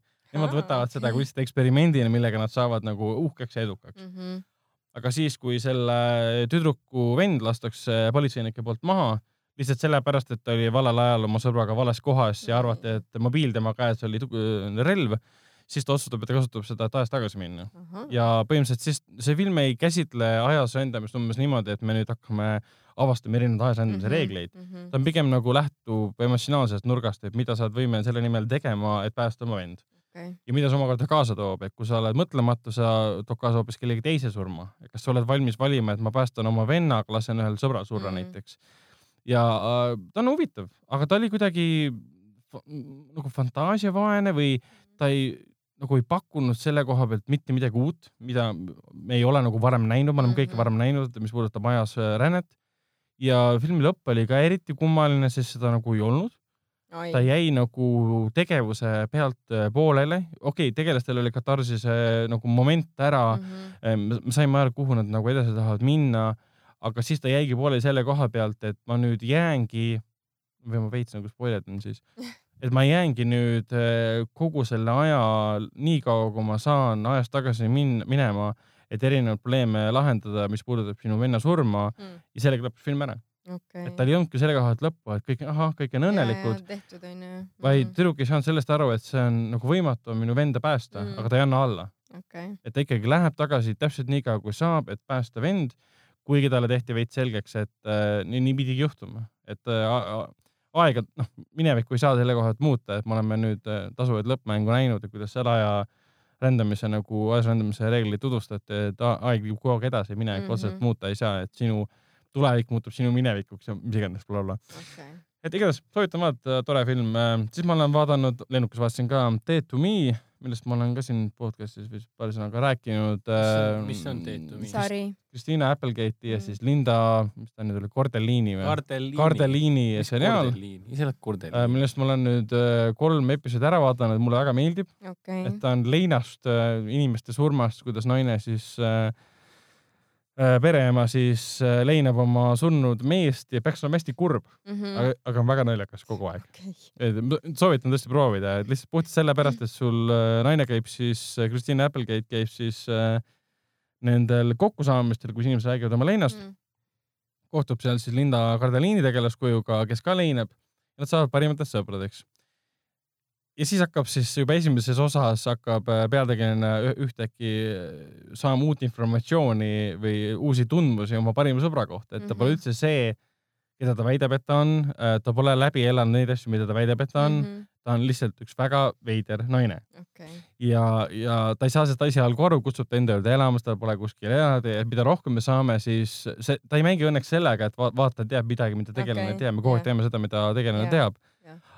Aga see on suht hirmutav, sest ma praegu mõtlen, et kuhu see asi välja jõuab, ta on praegu nagu naljakas seriaal leinast, aga mm -hmm. Mhm. ma kardan, et ühel hetkel läheb asi nagu trillerist kätte ära okei, ja, ja ma ei, ma ei tea, ma ei mäleta, mitu episoodi peal kokku oli vist kaheksa midagi või kümme Mhm. isegi.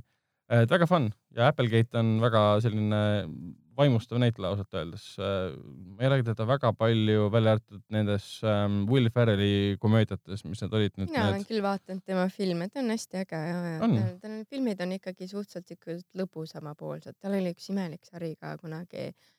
Married, Married with Children, mitte see, ühe, ühe, üks teine, ei tule see nimi meelde, aga see oli küll väga äge sari ja filme on tal ka olnud siuksed omapärased. mm. -hmm. ja viimasena ma olen vaadanud siis It's Bruno, mis Ma- just äh, jõudis, mõeldagi, jõudis Netflixi. väga fun seriaal, üks äh, mingi tuntud koomik, näitleja ja režissöör on peaosas ja tal on väike koer, see on nagu mingi paagi, paagilaadne Netflix on pakkunud seda. ja, ja tema ja see koer on parimad sõbrad, ta käib iga päev oma siis mingi Manhattani või New Yorgi, kus ta elab seal piirkonnas ringi, käib korra poes, ostab asju, on kõikidega sõber, tal on tänavanurgas mingi tüüp, kes karjub, ütleb tema koera nimi hoopis mingi Andrew või midagi laadset, karjub Mm. ei minu poeg on Bruno, mis poeg, koer on Bruno, Bruno. Ja, kõik nagu ti- tiilib selle koera ümber, et üks epi-, no iga, mis kolmkümmend minutit episoodist, üks episood tiilib umbes see, et avastab, et keegi seal äh, piirkonnas, nende piirkonnas põhimõtteliselt ei korja oma koera junni ahah, siis ta kogu episood põhimõtteliselt ajab taga, kes see on. ta arvab, et see on mingisugune, avastab, et see on mingisugune vastik hipster, kes näeb nagu karikatuurne hipster välja, ahah, et tal on nagu habe nagu ära aetud, aga mingi karvastik on alles Mhm. jäetud ja su suured paksud vuntsid ja tal on need mitte lühikesed püksid, aga teksad lähevad alt lühikeseks oi õudust. ja mingi jakk ja räägib kogu aeg siis selle mm, hands-free telefoniga, mis iganes hakkab Mhm. teda tänaval taga ajama mm, -hmm. aga Mhm. ta ei saa teda kätte, sest tüüp jookseb jumala kiiresti. ja siis ühel hetkel nad siis selle tüübiga, kes nimetas seda oma koera hoopis vale nimega, aga põhiasi ongi see, et kui nad karistavad kedagi, tead, mis nad Jah. teevad või? noh, võtavad kodust äh, selle luua nagu äh, harja, siis selle Jah. luua osa, võtavad otsa pealt ära ja võtavad selle kätte ja löövad vastu pead. ja iga kord siis seriaal äh, see nagu stseeni mõttes siis lõikab sealt ära, et me ei näe, me vägivalda sellist ei näe, aga see on mm -hmm. võib-olla kord oligi aegklubis, siis läksid selle situjale järele, jälitasid teda koduni ja nägid, kust ta välja tuli. aegklubis muusika käib, võtavad Mhm. siis luua selle varre kätte ja lähevad tema juurde, löövad mõlemad pigi pead. ta on nagu sketši seriaal mm, äh,, väga naljakas ja väga kummaline. mulle tundus, et noh, sellist asja oligi nagu praegu vaja, okei, et täiesti, kuidas nüüd öelda, rusikas silmaauku või lihtne siis. vaatamine ühesõnaga. ja on, aga see pealtegi on väga sümpaatne, sest armastab väga oma koera, käib temaga igal pool põhimõtteliselt, ei lähe poodi, kuhu ei saa koera kaasa võtta või äh, viib sööklasse või kuskile restorani ka koera kaasa mm.. Mm. et äh, kui koera armastajatele, ma et kohustuslik seriaal. vot, aga sellega on meil äh, kodus vaadatud filmid läbi ja lähme kähku edasi nende filmide juurde, mis alustasid nüüd eelmisel nädalal kinodes. Nendeks oli John Wick Parabellum, mis muidugi jah, jõudis esimesele kohale nädalavahetuse tulemustes. siis oli nende hulgas veel Päike on ju samuti täht, Tants Pariisis ja Superkangelaste tõus. Kuna me olime Cannes'is ja vaatasime hoopis teisi filme, mis Mhm. Eestisse üldse ei jõua või mingil kujul alles hiljem äh, kõvasti, siis Hendrik vaatas ära vahepeal John Wick äh, chapter kolm või noh, peatükk kolme Parabellumi ja räägib sellest, selles meile mõni, mõningad sõnad. aga ilma spoileriteta, palun. ja ma tahan kindlasti seda näha, ma just. Ka. ja ei, ma ei spoilerda midagi, ainult nii palju saab öelda, et noh, teist osa olete kõik näinud ju. ja, ja, ehk siis film jätkab täpselt sealt, kus teine osa pooleli jäi. Ehk siis eh, me ju teise osa põhjal teadsime, et John, John, Wickil John Wickil on jooksuaeg. sõnas selles mõttes, ta mõttes, jooksebki mööda linna ringi ja läheb ja põgeneb äh, sadade, sadade hullumeelsete äh, palgamõrtsukate eest, et põhimõtteliselt kogu, kogu äh, John Wicki nii-öelda salamõrtsukate allmaailm ajab teda taga appi. ja põhimõtteliselt tal ei ole, filmis pole sekunditki hetke, kui pole siukest stseeni, kus ta jookseb läbi vihma ja ühel hetkel seal on mingi suvaline inimene, kes tegeleb oma asjadega, John Wick jookseb mööda ja siis suvaline inimene jätab oma tegevuse katki, vaatab ta järele. kohe on assassin. siuke niisugune väike siukene Matrixi tunne tekkis, et kogu aeg on igal pool on vist see agent Smith võtab kellelgi keha üle ja vaatab talle järele kogu aeg. aga mulle see seeria väga meeldib. esimene John Wick, suurepärane action film, teine John Wick äh, meeldis isegi, isegi veel rohkem puhta sellepärast, et nad võtsid kätte, hakkasid laiendama seda nii-öelda John Wicki äh, tausta ehk siis seda, kust ta pärit on, missugune, mitte isiklikult pärit, vaid tema amet justkui mm.. ameti esindajana, kust see pärit on. me saime teada, mis asi on Continental, The Continental ehk siis see on ju see hotell äh, salamõrtsukatele. salamõrtsukate siis organisatsioon, variorganisatsioon. jah, siis me saime teada, et on see high table nii-öelda ehk siis see nii-öelda üli, ülim juhatus kogu sellele salamõrtsukate organisatsioonile, ülemaailmsele rahvusvahelisele organisatsioonile.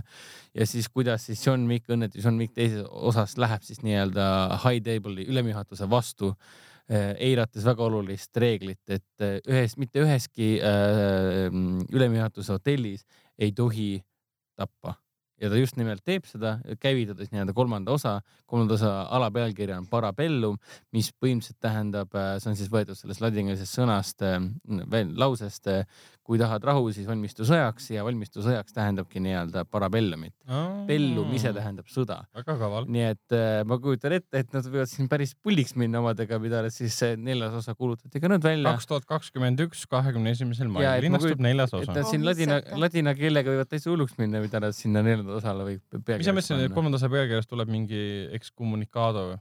See on see asi, mida nad ütlesid. seda, seda sõna öeldakse siin väga palju, et äh, ütleme nii, et äh, taaskord äh, film läheb veel stiilsemaks visuaalses mõttes, action'i mõttes nagu ta on crazy lihtsalt, esimesed pool tundi on põhimõtteliselt nagu ülesehitus äh,. film kestab üle kahe tunni, kaks kümme äkki oli vist või mm. -hmm.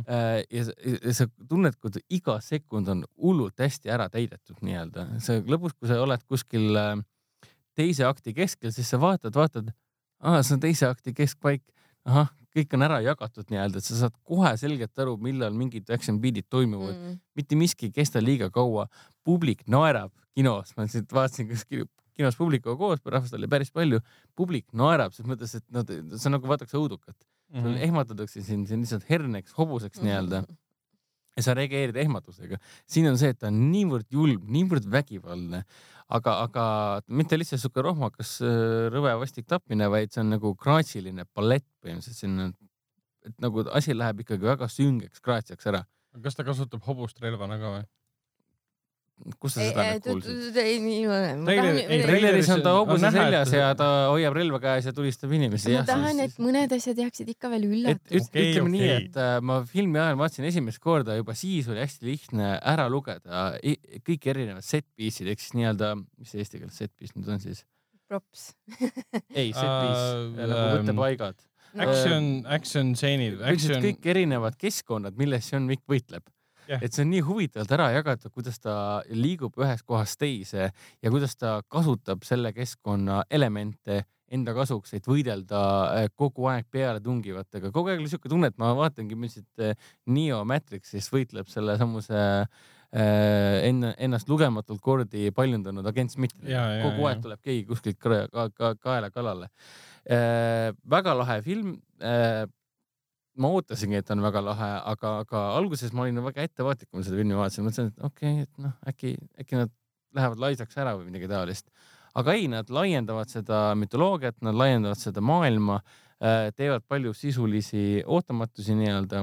ta meenutab, meenutab nii mõndagi, eriti just ühte väga spetsiifilist filmi, aga ma ei saa selle filmi nime välja öelda, see rikub lihtsalt, anna, annab liiga palju aimu Mhm. äh,. Halle Berry on siin, väga äge, väga äge roll teeb, Berry on alati mu su- suht nagu lemmik olnud ja vahepeal on ta suht nagu ära kadunud. aga siin ta teeb ikka siukse rolli, et äh, noh, tema karakter on see, kõik teavad, et tema karakteri see mm, eripära on see, et tal on äh, kaks koera, et ta on nagu koerte lausvaja nii-öelda Mhm. ja, ja ütleme nii, et kui läheb ikkagi action'iks ja sul on Halle Berry eh, koos kahe koeraga, siis see on ikka hämmastav, mismoodi on lavastatud, kuidas eh, koertega on võimalik eh, tulevahetuses ellu jääda ja hakkama saada. Nice, et, et ma, ma, ma, ma ei jõua ära oodata, millal saaksin seda uuesti vaadata. no ma nüüd äh, vaatan ta kindlasti vahepeal ära, et saan oma arvamust ka jagada eelmises saates. saates. ja kõige ägedam on ka see, et ta on nagu, ta on jätkuvalt see esimese, teise osa lavastaja, Chad Stale- Staleski lavastatud ja sa näed seda kogu aeg, kuivõrd äh, kullisilmaga on iga äh, action stseen lavastatud, ehk siis teisisõnu ma jälgisin ka seda, et äh, kas toimub liiga palju siukene Liam Neesoni Takeni stiilis Mm. mm. lõikamist.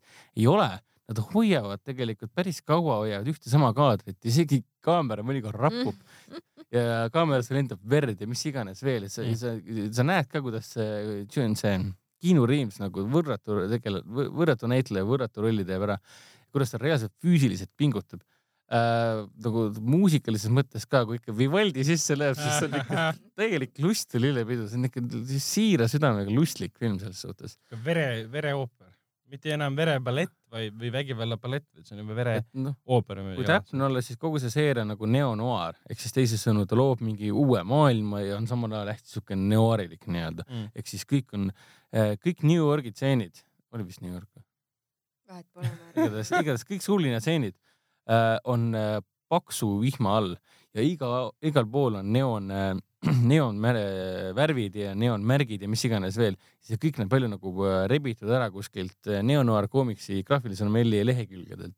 läheb niivõrd stiilne, ta nagu, nagu ta tilgub sellest sõnas mõttes nagu ikka tilgub seal filmis, ta tilgub sellest paksust visu, visuaalsest nii-öelda läbimõeldud äh, stilistikast ja, ja mu- mul jäi suu ammuli selles mõttes, et ma olin, ma olin õnnelik, kui ma seda filmi vaatasin.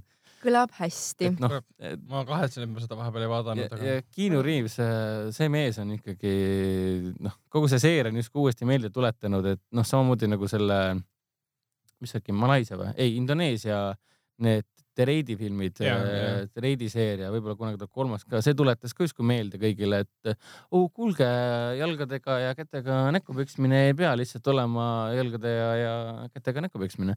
see võib olla omaette äh, vaatepilt, umbes nii nagu sa lähed äh, kinno Bolšoi äh, Moskva Suure Teatri äh, balleti otseülekannet vaatama, ehk siis see on läbimõeldud graatsiline tegevus, mis nõuab mingi mitmekordset, mitmekordset äh, harjutamist ja kordust ja nii edasi, nii edasi, nii edasi.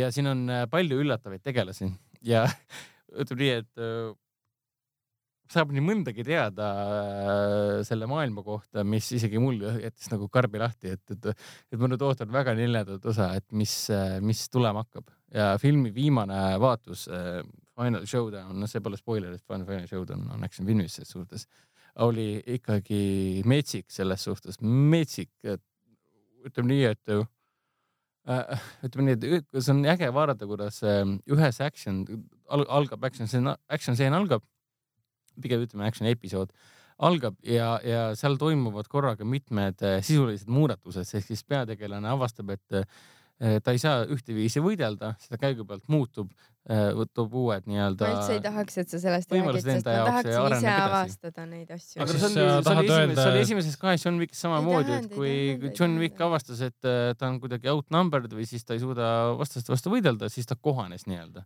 noh, kui nad teevad ju filmi, mis on otsast lõpuni üks pikk action stseen, siis see peab olema loominguliselt, loominguliselt välja arendatud, omaette süžee sinna ehitatud, iga löök, iga, iga kuul peab midagi tähendama, et vau, ma olen äh, üllatunud selle koha pealt, mulle teine osa nüüd, ma ei ole uuesti vaadanud, aga kinost on mulle väga suurt muljet jätnud. mul mul oli hästi.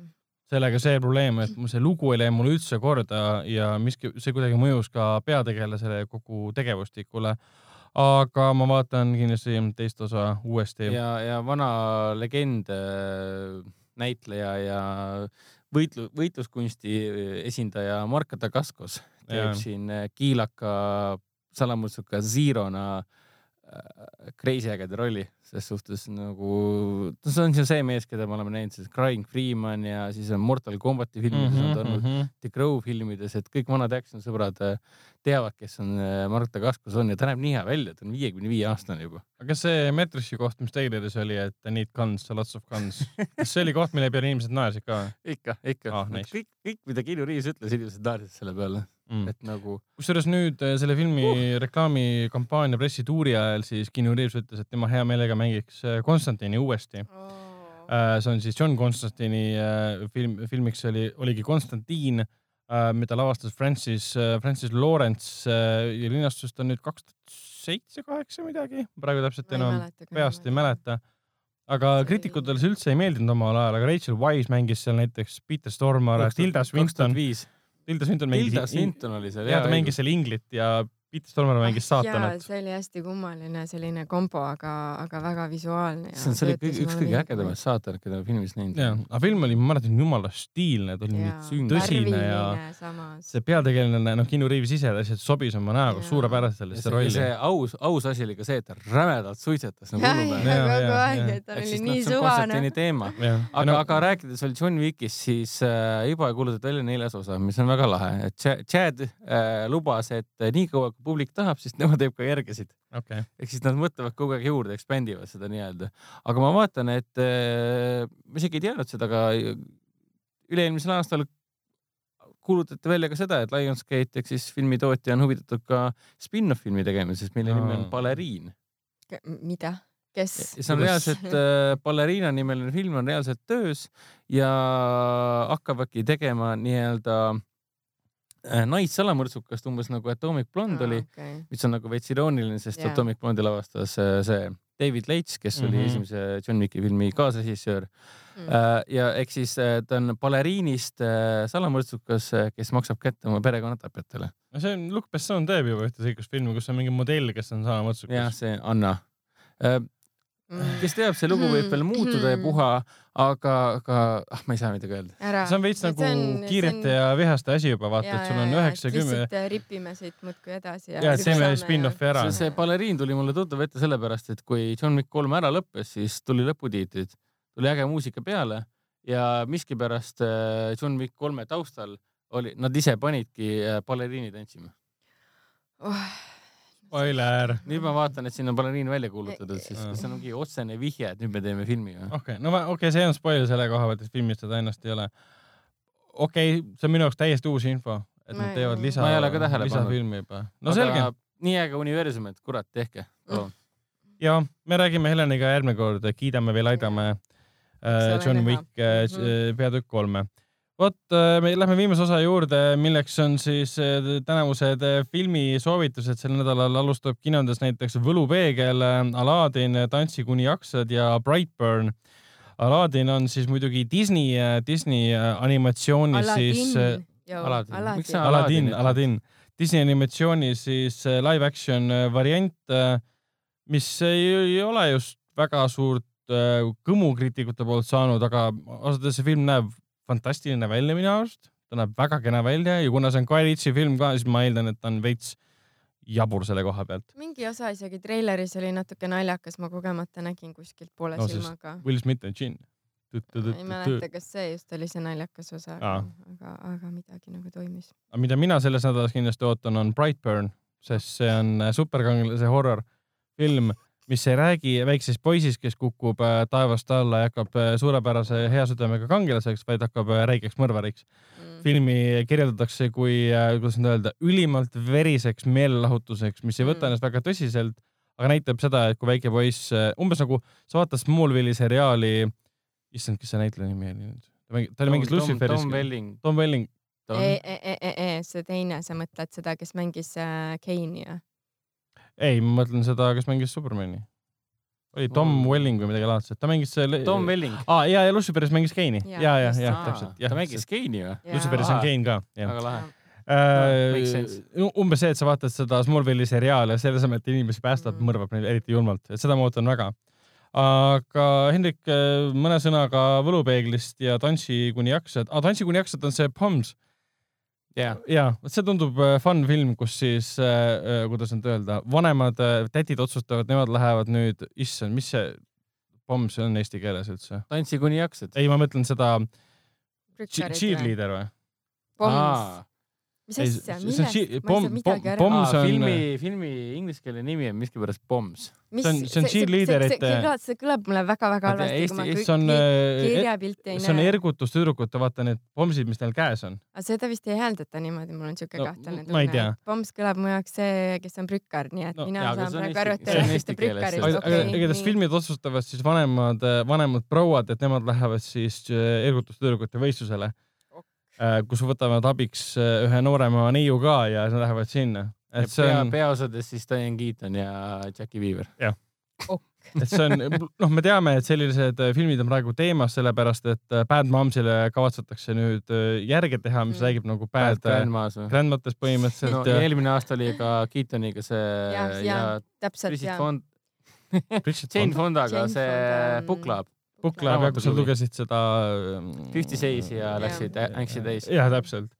et äh, ja selles mõttes, et seda ma ootan ka, tore komöödia, ma arvan. no mina isiklikult ootan ikkagi Aladini ja Brightburni kõige roh- rohkem. Aladini sellepärast ma tahan näha, mis, kuidas see selline muusikaline muinasjutuline fantaasiaseiklus siis ikkagi jah, sest. Guy Ritchie käe all valmis sai. sest see kõige populaarsem variant oli ju see Disney animatsioon Mm, ma ei jah. mäleta, mis aasta see oli, ei olnud isegi mingi väga-väga vana, Ta nüüd nii vana aga ole. ja et Robin nagu- Williams oli siis väga elus ja tegus. mm,. no eriti just see, et nagu Robbie Williams tegi selle džinni tegelase niivõrd äh, noh, legendaarseks, et Mhm. tahaks näha, kuidas siis William Smith, vabandust, Will Smith seda äh, täidab, täidab seda rolli. mis asi, William Sitt või? vist tuleks see aeg otsad kokku tõmmata, et Äh, äh, sul sõnad- on kuiv sõnad- ja. sõnad lähevad imelikuks juba. Äh, Netflixi, Netflixi jõuab, jõudis juba Rim of the World, mis on siis selline, kuidas öelda, Stranger Thingsi žanri kuuluv film, kus noored, mitte rip-off, aga noored äh, lapsed avastavad midagi, hakkavad võitlema pahade tulnukatega, aga kuna filmi režissöör on MCG,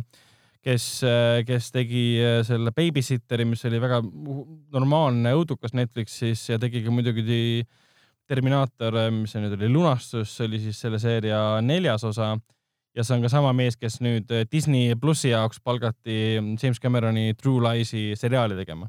Vau. Et jah, sellest filmist oli, sellest filmist oli ka seriaali vaja. aga noh, kogu selle Säkene- filmi mõte no oli see, True Lies on küll see üks asi, mis ei vajaks nagu. absoluutselt. no sellest on nagu samas võtmes on tehtud juba ja kui sul on salaagent, kes ei ütle oma naisele või perekonnale, kes ma olen ja tegeleb erinevate asjadega. Smith näiteks no ka mis iganes, Jennifer No, Garneri see jah, Ali, Ali ja ja see see on samamoodi iga, iga Jah. episoodi alguses või lõpus ta chill'is ja jõulutab oma sõpra, sõpradega nagu mingi tavaline tormkööl. jah, kusjuures seal mängis Bradley Cooper ka, see on ja seda ma mäletan, ta sai surma seal ju. äh,. spoiler suva onju. Vau, see on ikka päris vana seriaal, see ei ole enam spoiler. äh,. lisaks tuleb Netflixi või on juba Netflixis, tähendab, on see Perfection on nagu piibli spoilerdamine. Jumal on surnud, spoiler. ei ole, ta on taevas. No, Jeesus kõik suri,. kõik, kes surevad, lähevad taevasse. ja, ja need, kes ei lähe taevasse, need lähevad põrgusse. kunagi oli siuke animatsioon ka, et kõik koerad lähevad taevasse. ja ma mäletan, ma vaatasin seda. ma ei vaadanud. kunagi oli siuke asi nagu Biker Mars, Biker Mikes. ja mootorratturiired Marsil, Mars. mille kohta ma kusjuures, Biker Mice from Mars. mille, mille, mille õigused võib-olla kuuluvad praegu Disneyle, sest selle Oh taga no. oli Stan Oh Lee no. oli esimese hooaja üks produtsentidest ära varsti. ja see Fox oli selle üks levitajatest, mis tähendab seda, et Fox on nüüd Disney oma, et Disney võib selle enda alla võtta siis äkki. ma jään ootama live action versiooni. Jaa, pikem küll, jah. see oleks, no kui see on vähegi parem kui see crap, mida nad tegid teismeliste ninja kilpkonnadega, siis on No, kõik hästi. Siis no on Disney Disney seda ei teinud, nii et äh, oleme selle No koha seda peal küll, õnnelikud. igatahes Netflixi jõudis Perfection, mis on body horror film, treileri põhjal tundus väga tuus äh,. esimesed arvustused ütlevad, et ta veits nagu, kuidas nüüd öelda, ei ela oma loo potentsiaalile väga nagu palju välja selle koha pealt või noh, mis ma öelda täpselt tahan. tundub äge, sest body horror uh,. Flatliners tuleb kahekümne kuuendal mail, see on siis selle Ellen Page'i. Ellen Page'i versioon, mis on versioon. siis äh, Kiefer Sutherlandi vana üheksakümnendate filmi siis uus versioon, mis, mis tuli niimoodi kinno, see uus film, et äh, bänniti igal võimalikul rindel ära ja praegu tuletasid meelde ka, et see on kaks tuhat seitseteist aasta film ja ta, ta alguses ma mäletan, kui ta, kui ta Rotten Tomatoes'is äh, skoorid aval, avaldati, siis ta oli pikka aega null protsenti jah, jah. ja, ja praeguse seisuga ta on neli protsenti. ma tahan ju seda puhtalt Mida? sellepärast vaadata, pole ikka veel näinud seda. Ellen Page on filmis, millel on neli protsenti. kuidas, kuidas ei saa olla nii halb ju? nagu me oleme halvemaid filme ma näinud kui neli. ma ei tea, ma üldse ei kahtle isegi tead. Uh, lisaks ma vaatasin, et juunis jõuab Blade Runner kaks tuhat nelikümmend üheksa Netflixi. aga Netflixis on praegu ma olemas saan nagu uue kuvariga seda vaadata. Netflixis on praegu olemas Lonely Islandi uus album, mis on filmi kujul, muusika, ühe pika muusikavideo kujul. selle nimi on Unauthorized uh, Bash Brothers Experience ma. nägin ma nägin eile- ma põhimõtteliselt, põhimõtteliselt Lonely. Island andis välja uue albumi. nii. kui sa vaatad Ma nende Youtube'i. Lonely Island, see on see Andy Samberg uh, ja siis tema sõbrad teevad seda bändi, vaata. okay, Nad tegid selle filmi ka, see. Popstar Never Stop uh, Stopping või mis selle nimi oli. igatahes uh, Lonely Never Island stop stopping. Lonely Island andis välja uue albumi, aga mitte, mitte et teha seda nagu normaalselt, annab Spotify's lihtsalt Mhm. välja ja annab mõne muusikavideo, nad tegid pooletunnise, oli just pool tundi nagu filmi, mis on kõik need lood muusikavideo jaoks kokku Okei. lavastatud. ma vaatasin, jah. ma vaatasin esimest mingi viisteist minutit, väga fun on. aga lihtsalt veider on see, et see on nagu kahest pesapallimängijast, kes on maailma kõige kuulsamad ja mul selle koha pealt kohakest kaduma, sest mind ei huvita pesapall jaa, see on absoluutselt. see Ameerika värk, neile see hullult meeldib, aga mind ka ei ja on, ma ei tea, kas Bash Brothers on mingil kujul äh, paroodia mingi olemasolevatest vendadest, seda ma ka ei tea. aga lood olid head ja nende räpp mulle selle koha pealt, nende lüürika mulle meeldib. kas neil on see kuulaja-friendly räpp nagu kunagi Will Smith tegi mingi, mida on ka hullult palju Aa, nagu I m gonna get jiggy with it. ei, ei, ei, tal oli siukene, et oh I m gonna love my mama and you love gonna mama and uh, we are all happy together and mingi siukene hästi-hästi mitte nii hull kui äh, selle äh, Mr D äh, BA Barakuse, kes mängis A-rühmas äh, BA Barakust ja Mr D räpp oli see, et treat your mother right, Teach your mother right. et see oli, see on geniaalne. Aga selline film Netflixi jõudis, et äh, Telia HBO-s soovitame vaadata muidugi Tšernobõlit ja äh, lisaks äh, Siin- vennal Hendrikul on üks uudis meil Tule- seoses. see ei ole uudis, ma olen sellest varem rääkinud ka, aga tuletan meelde, sest juunikuu on kohe käes, et nüüd juunikuust ongi ka Telia Minu tv äpis olemas ka juunikuus siis ka HBO kanal. Ma ei tea, mul ei, minu ainuke kanal on Netflix ja ETV selles, selles asi ongi ongi, sest äh, Minu tv äpp ongi põhimõtteliselt äh, nagu Netflix, aga minu jaoks on see ülimalt oluline, sellepärast et kui mina lähen näiteks äh, kodust kaugele, tahan vaadata HBO-d ja mul ei ole käepärast äh, mingit pagana digiboksi ja nii edasi, kus ma seda HBO-d siis vaatan? Telefonist. Logid äh, netis äh, oma äh, läpakat oma Minu tv minu login telefonis oma Minu tv äppi ja vaatan Tšernobõlit, droonide mängu ja Jah. Westworldi ja mida iganes. enne seda võimalust ei olnud. teisisõnu, mul on nüüd olemas juunikuust on olemas variant vaadata jumal teab kus, kas Mm. siis äh, metsas mätta otsas. Eestis see Rahulikult jah toimib, aga, aga välismaa net on ikka hirmus asi, Prantsusmaal ka on ikka üldse ei toiminud, ta katkes. pigem, aga ta ei olnud aeglane. ei, minul oli aeglane, mul tõmbas Mm. pildi taskusse ja tal läks kogu aeg kinni, pärast Jaa. tuli välja, et äh, mitte passi omanikud kannis ala, kanni ala pidis wifi eest maksma viisteist eurot päevas. oli ka või mis asja, kas ma pean, Crazy, mida? me olime, mitte passi omanikud, sest kõigile okei, neile, okei, kes ei okei. ole seda akreditatsiooni saanud, peavad maksma selle eest viisteist eurot päevas. keegi saab niisama ma ei raha maksa võtta. kurat kuus ka nii palju noh. kuulge, noh. Internet on inimõigus vähemalt kusjuures Eestis. rääkides äh, Jaa. Westworldist, siis ju Westworldi kolmanda hooaja treiler tuli välja. ma pole teist hooaega vaadanud, nii et äh, see kolmas oli väga pooleli, segadusse aja minu jaoks. jaoks. ma olen äh, täpselt ühte osa vaadanud ja seda ma vaatasin meie ettevõtte tiimi event'il, kus mul tuli uni peale, siis ma läksin äh, hotellituppa magama ja siis ma vaatasin ühe silmaga, vaatasin ühte osa.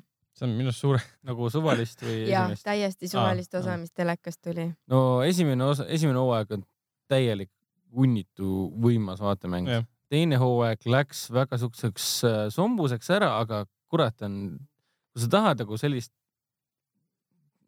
sellist seriaali, mis on nagu nii mõistusele kui ka südamele, mis on absurdne asi, mida ma ütlen südamele, aga oleme eestlane, ütleme. süda on organ, organ, organ sinu kehas, sa ei tunne midagi. pumpab verd, ehk siis kui sa tahad oma verre saada, varvastesse saada veits kui elu sa tahad, sisse. kui sa tahad oma vereringetesse saada midagi erutavat, siis kuradi HBO kuradi see Westworld on üks äh, tähelepanuväärsemaid asju üldse. vaata hea, et võtab sind lausa vanduma, et Või võtab jaa, võtab jaa. minu varbad külmetavad HBO, sinu varbad külmetavad HBO. sidur, meie pidur, varbad isa, isa tuli koju, tema käed on külmad. ema käed olid külmad, isa tuli. kuulge, aga selle, selle noodiga lõpetame seekordse saate, mis tuli äh, ootuspäraselt äh, pikk, sest eelmine kord meid oli ainult äh, kaks, nüüd on kolm. oota, aga meil esimene saade kahekesi oli ka mingi kolm tundi pikk, sest me rääkisime lõppmängust, nii et võta kõik oma sõnad tagasi.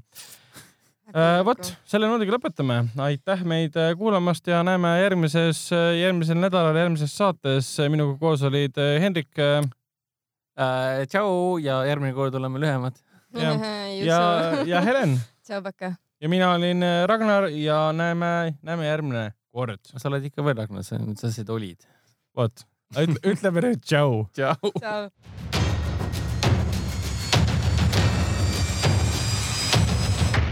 kinoveebi Jututuba podcasti toob teieni Foorum Cinemas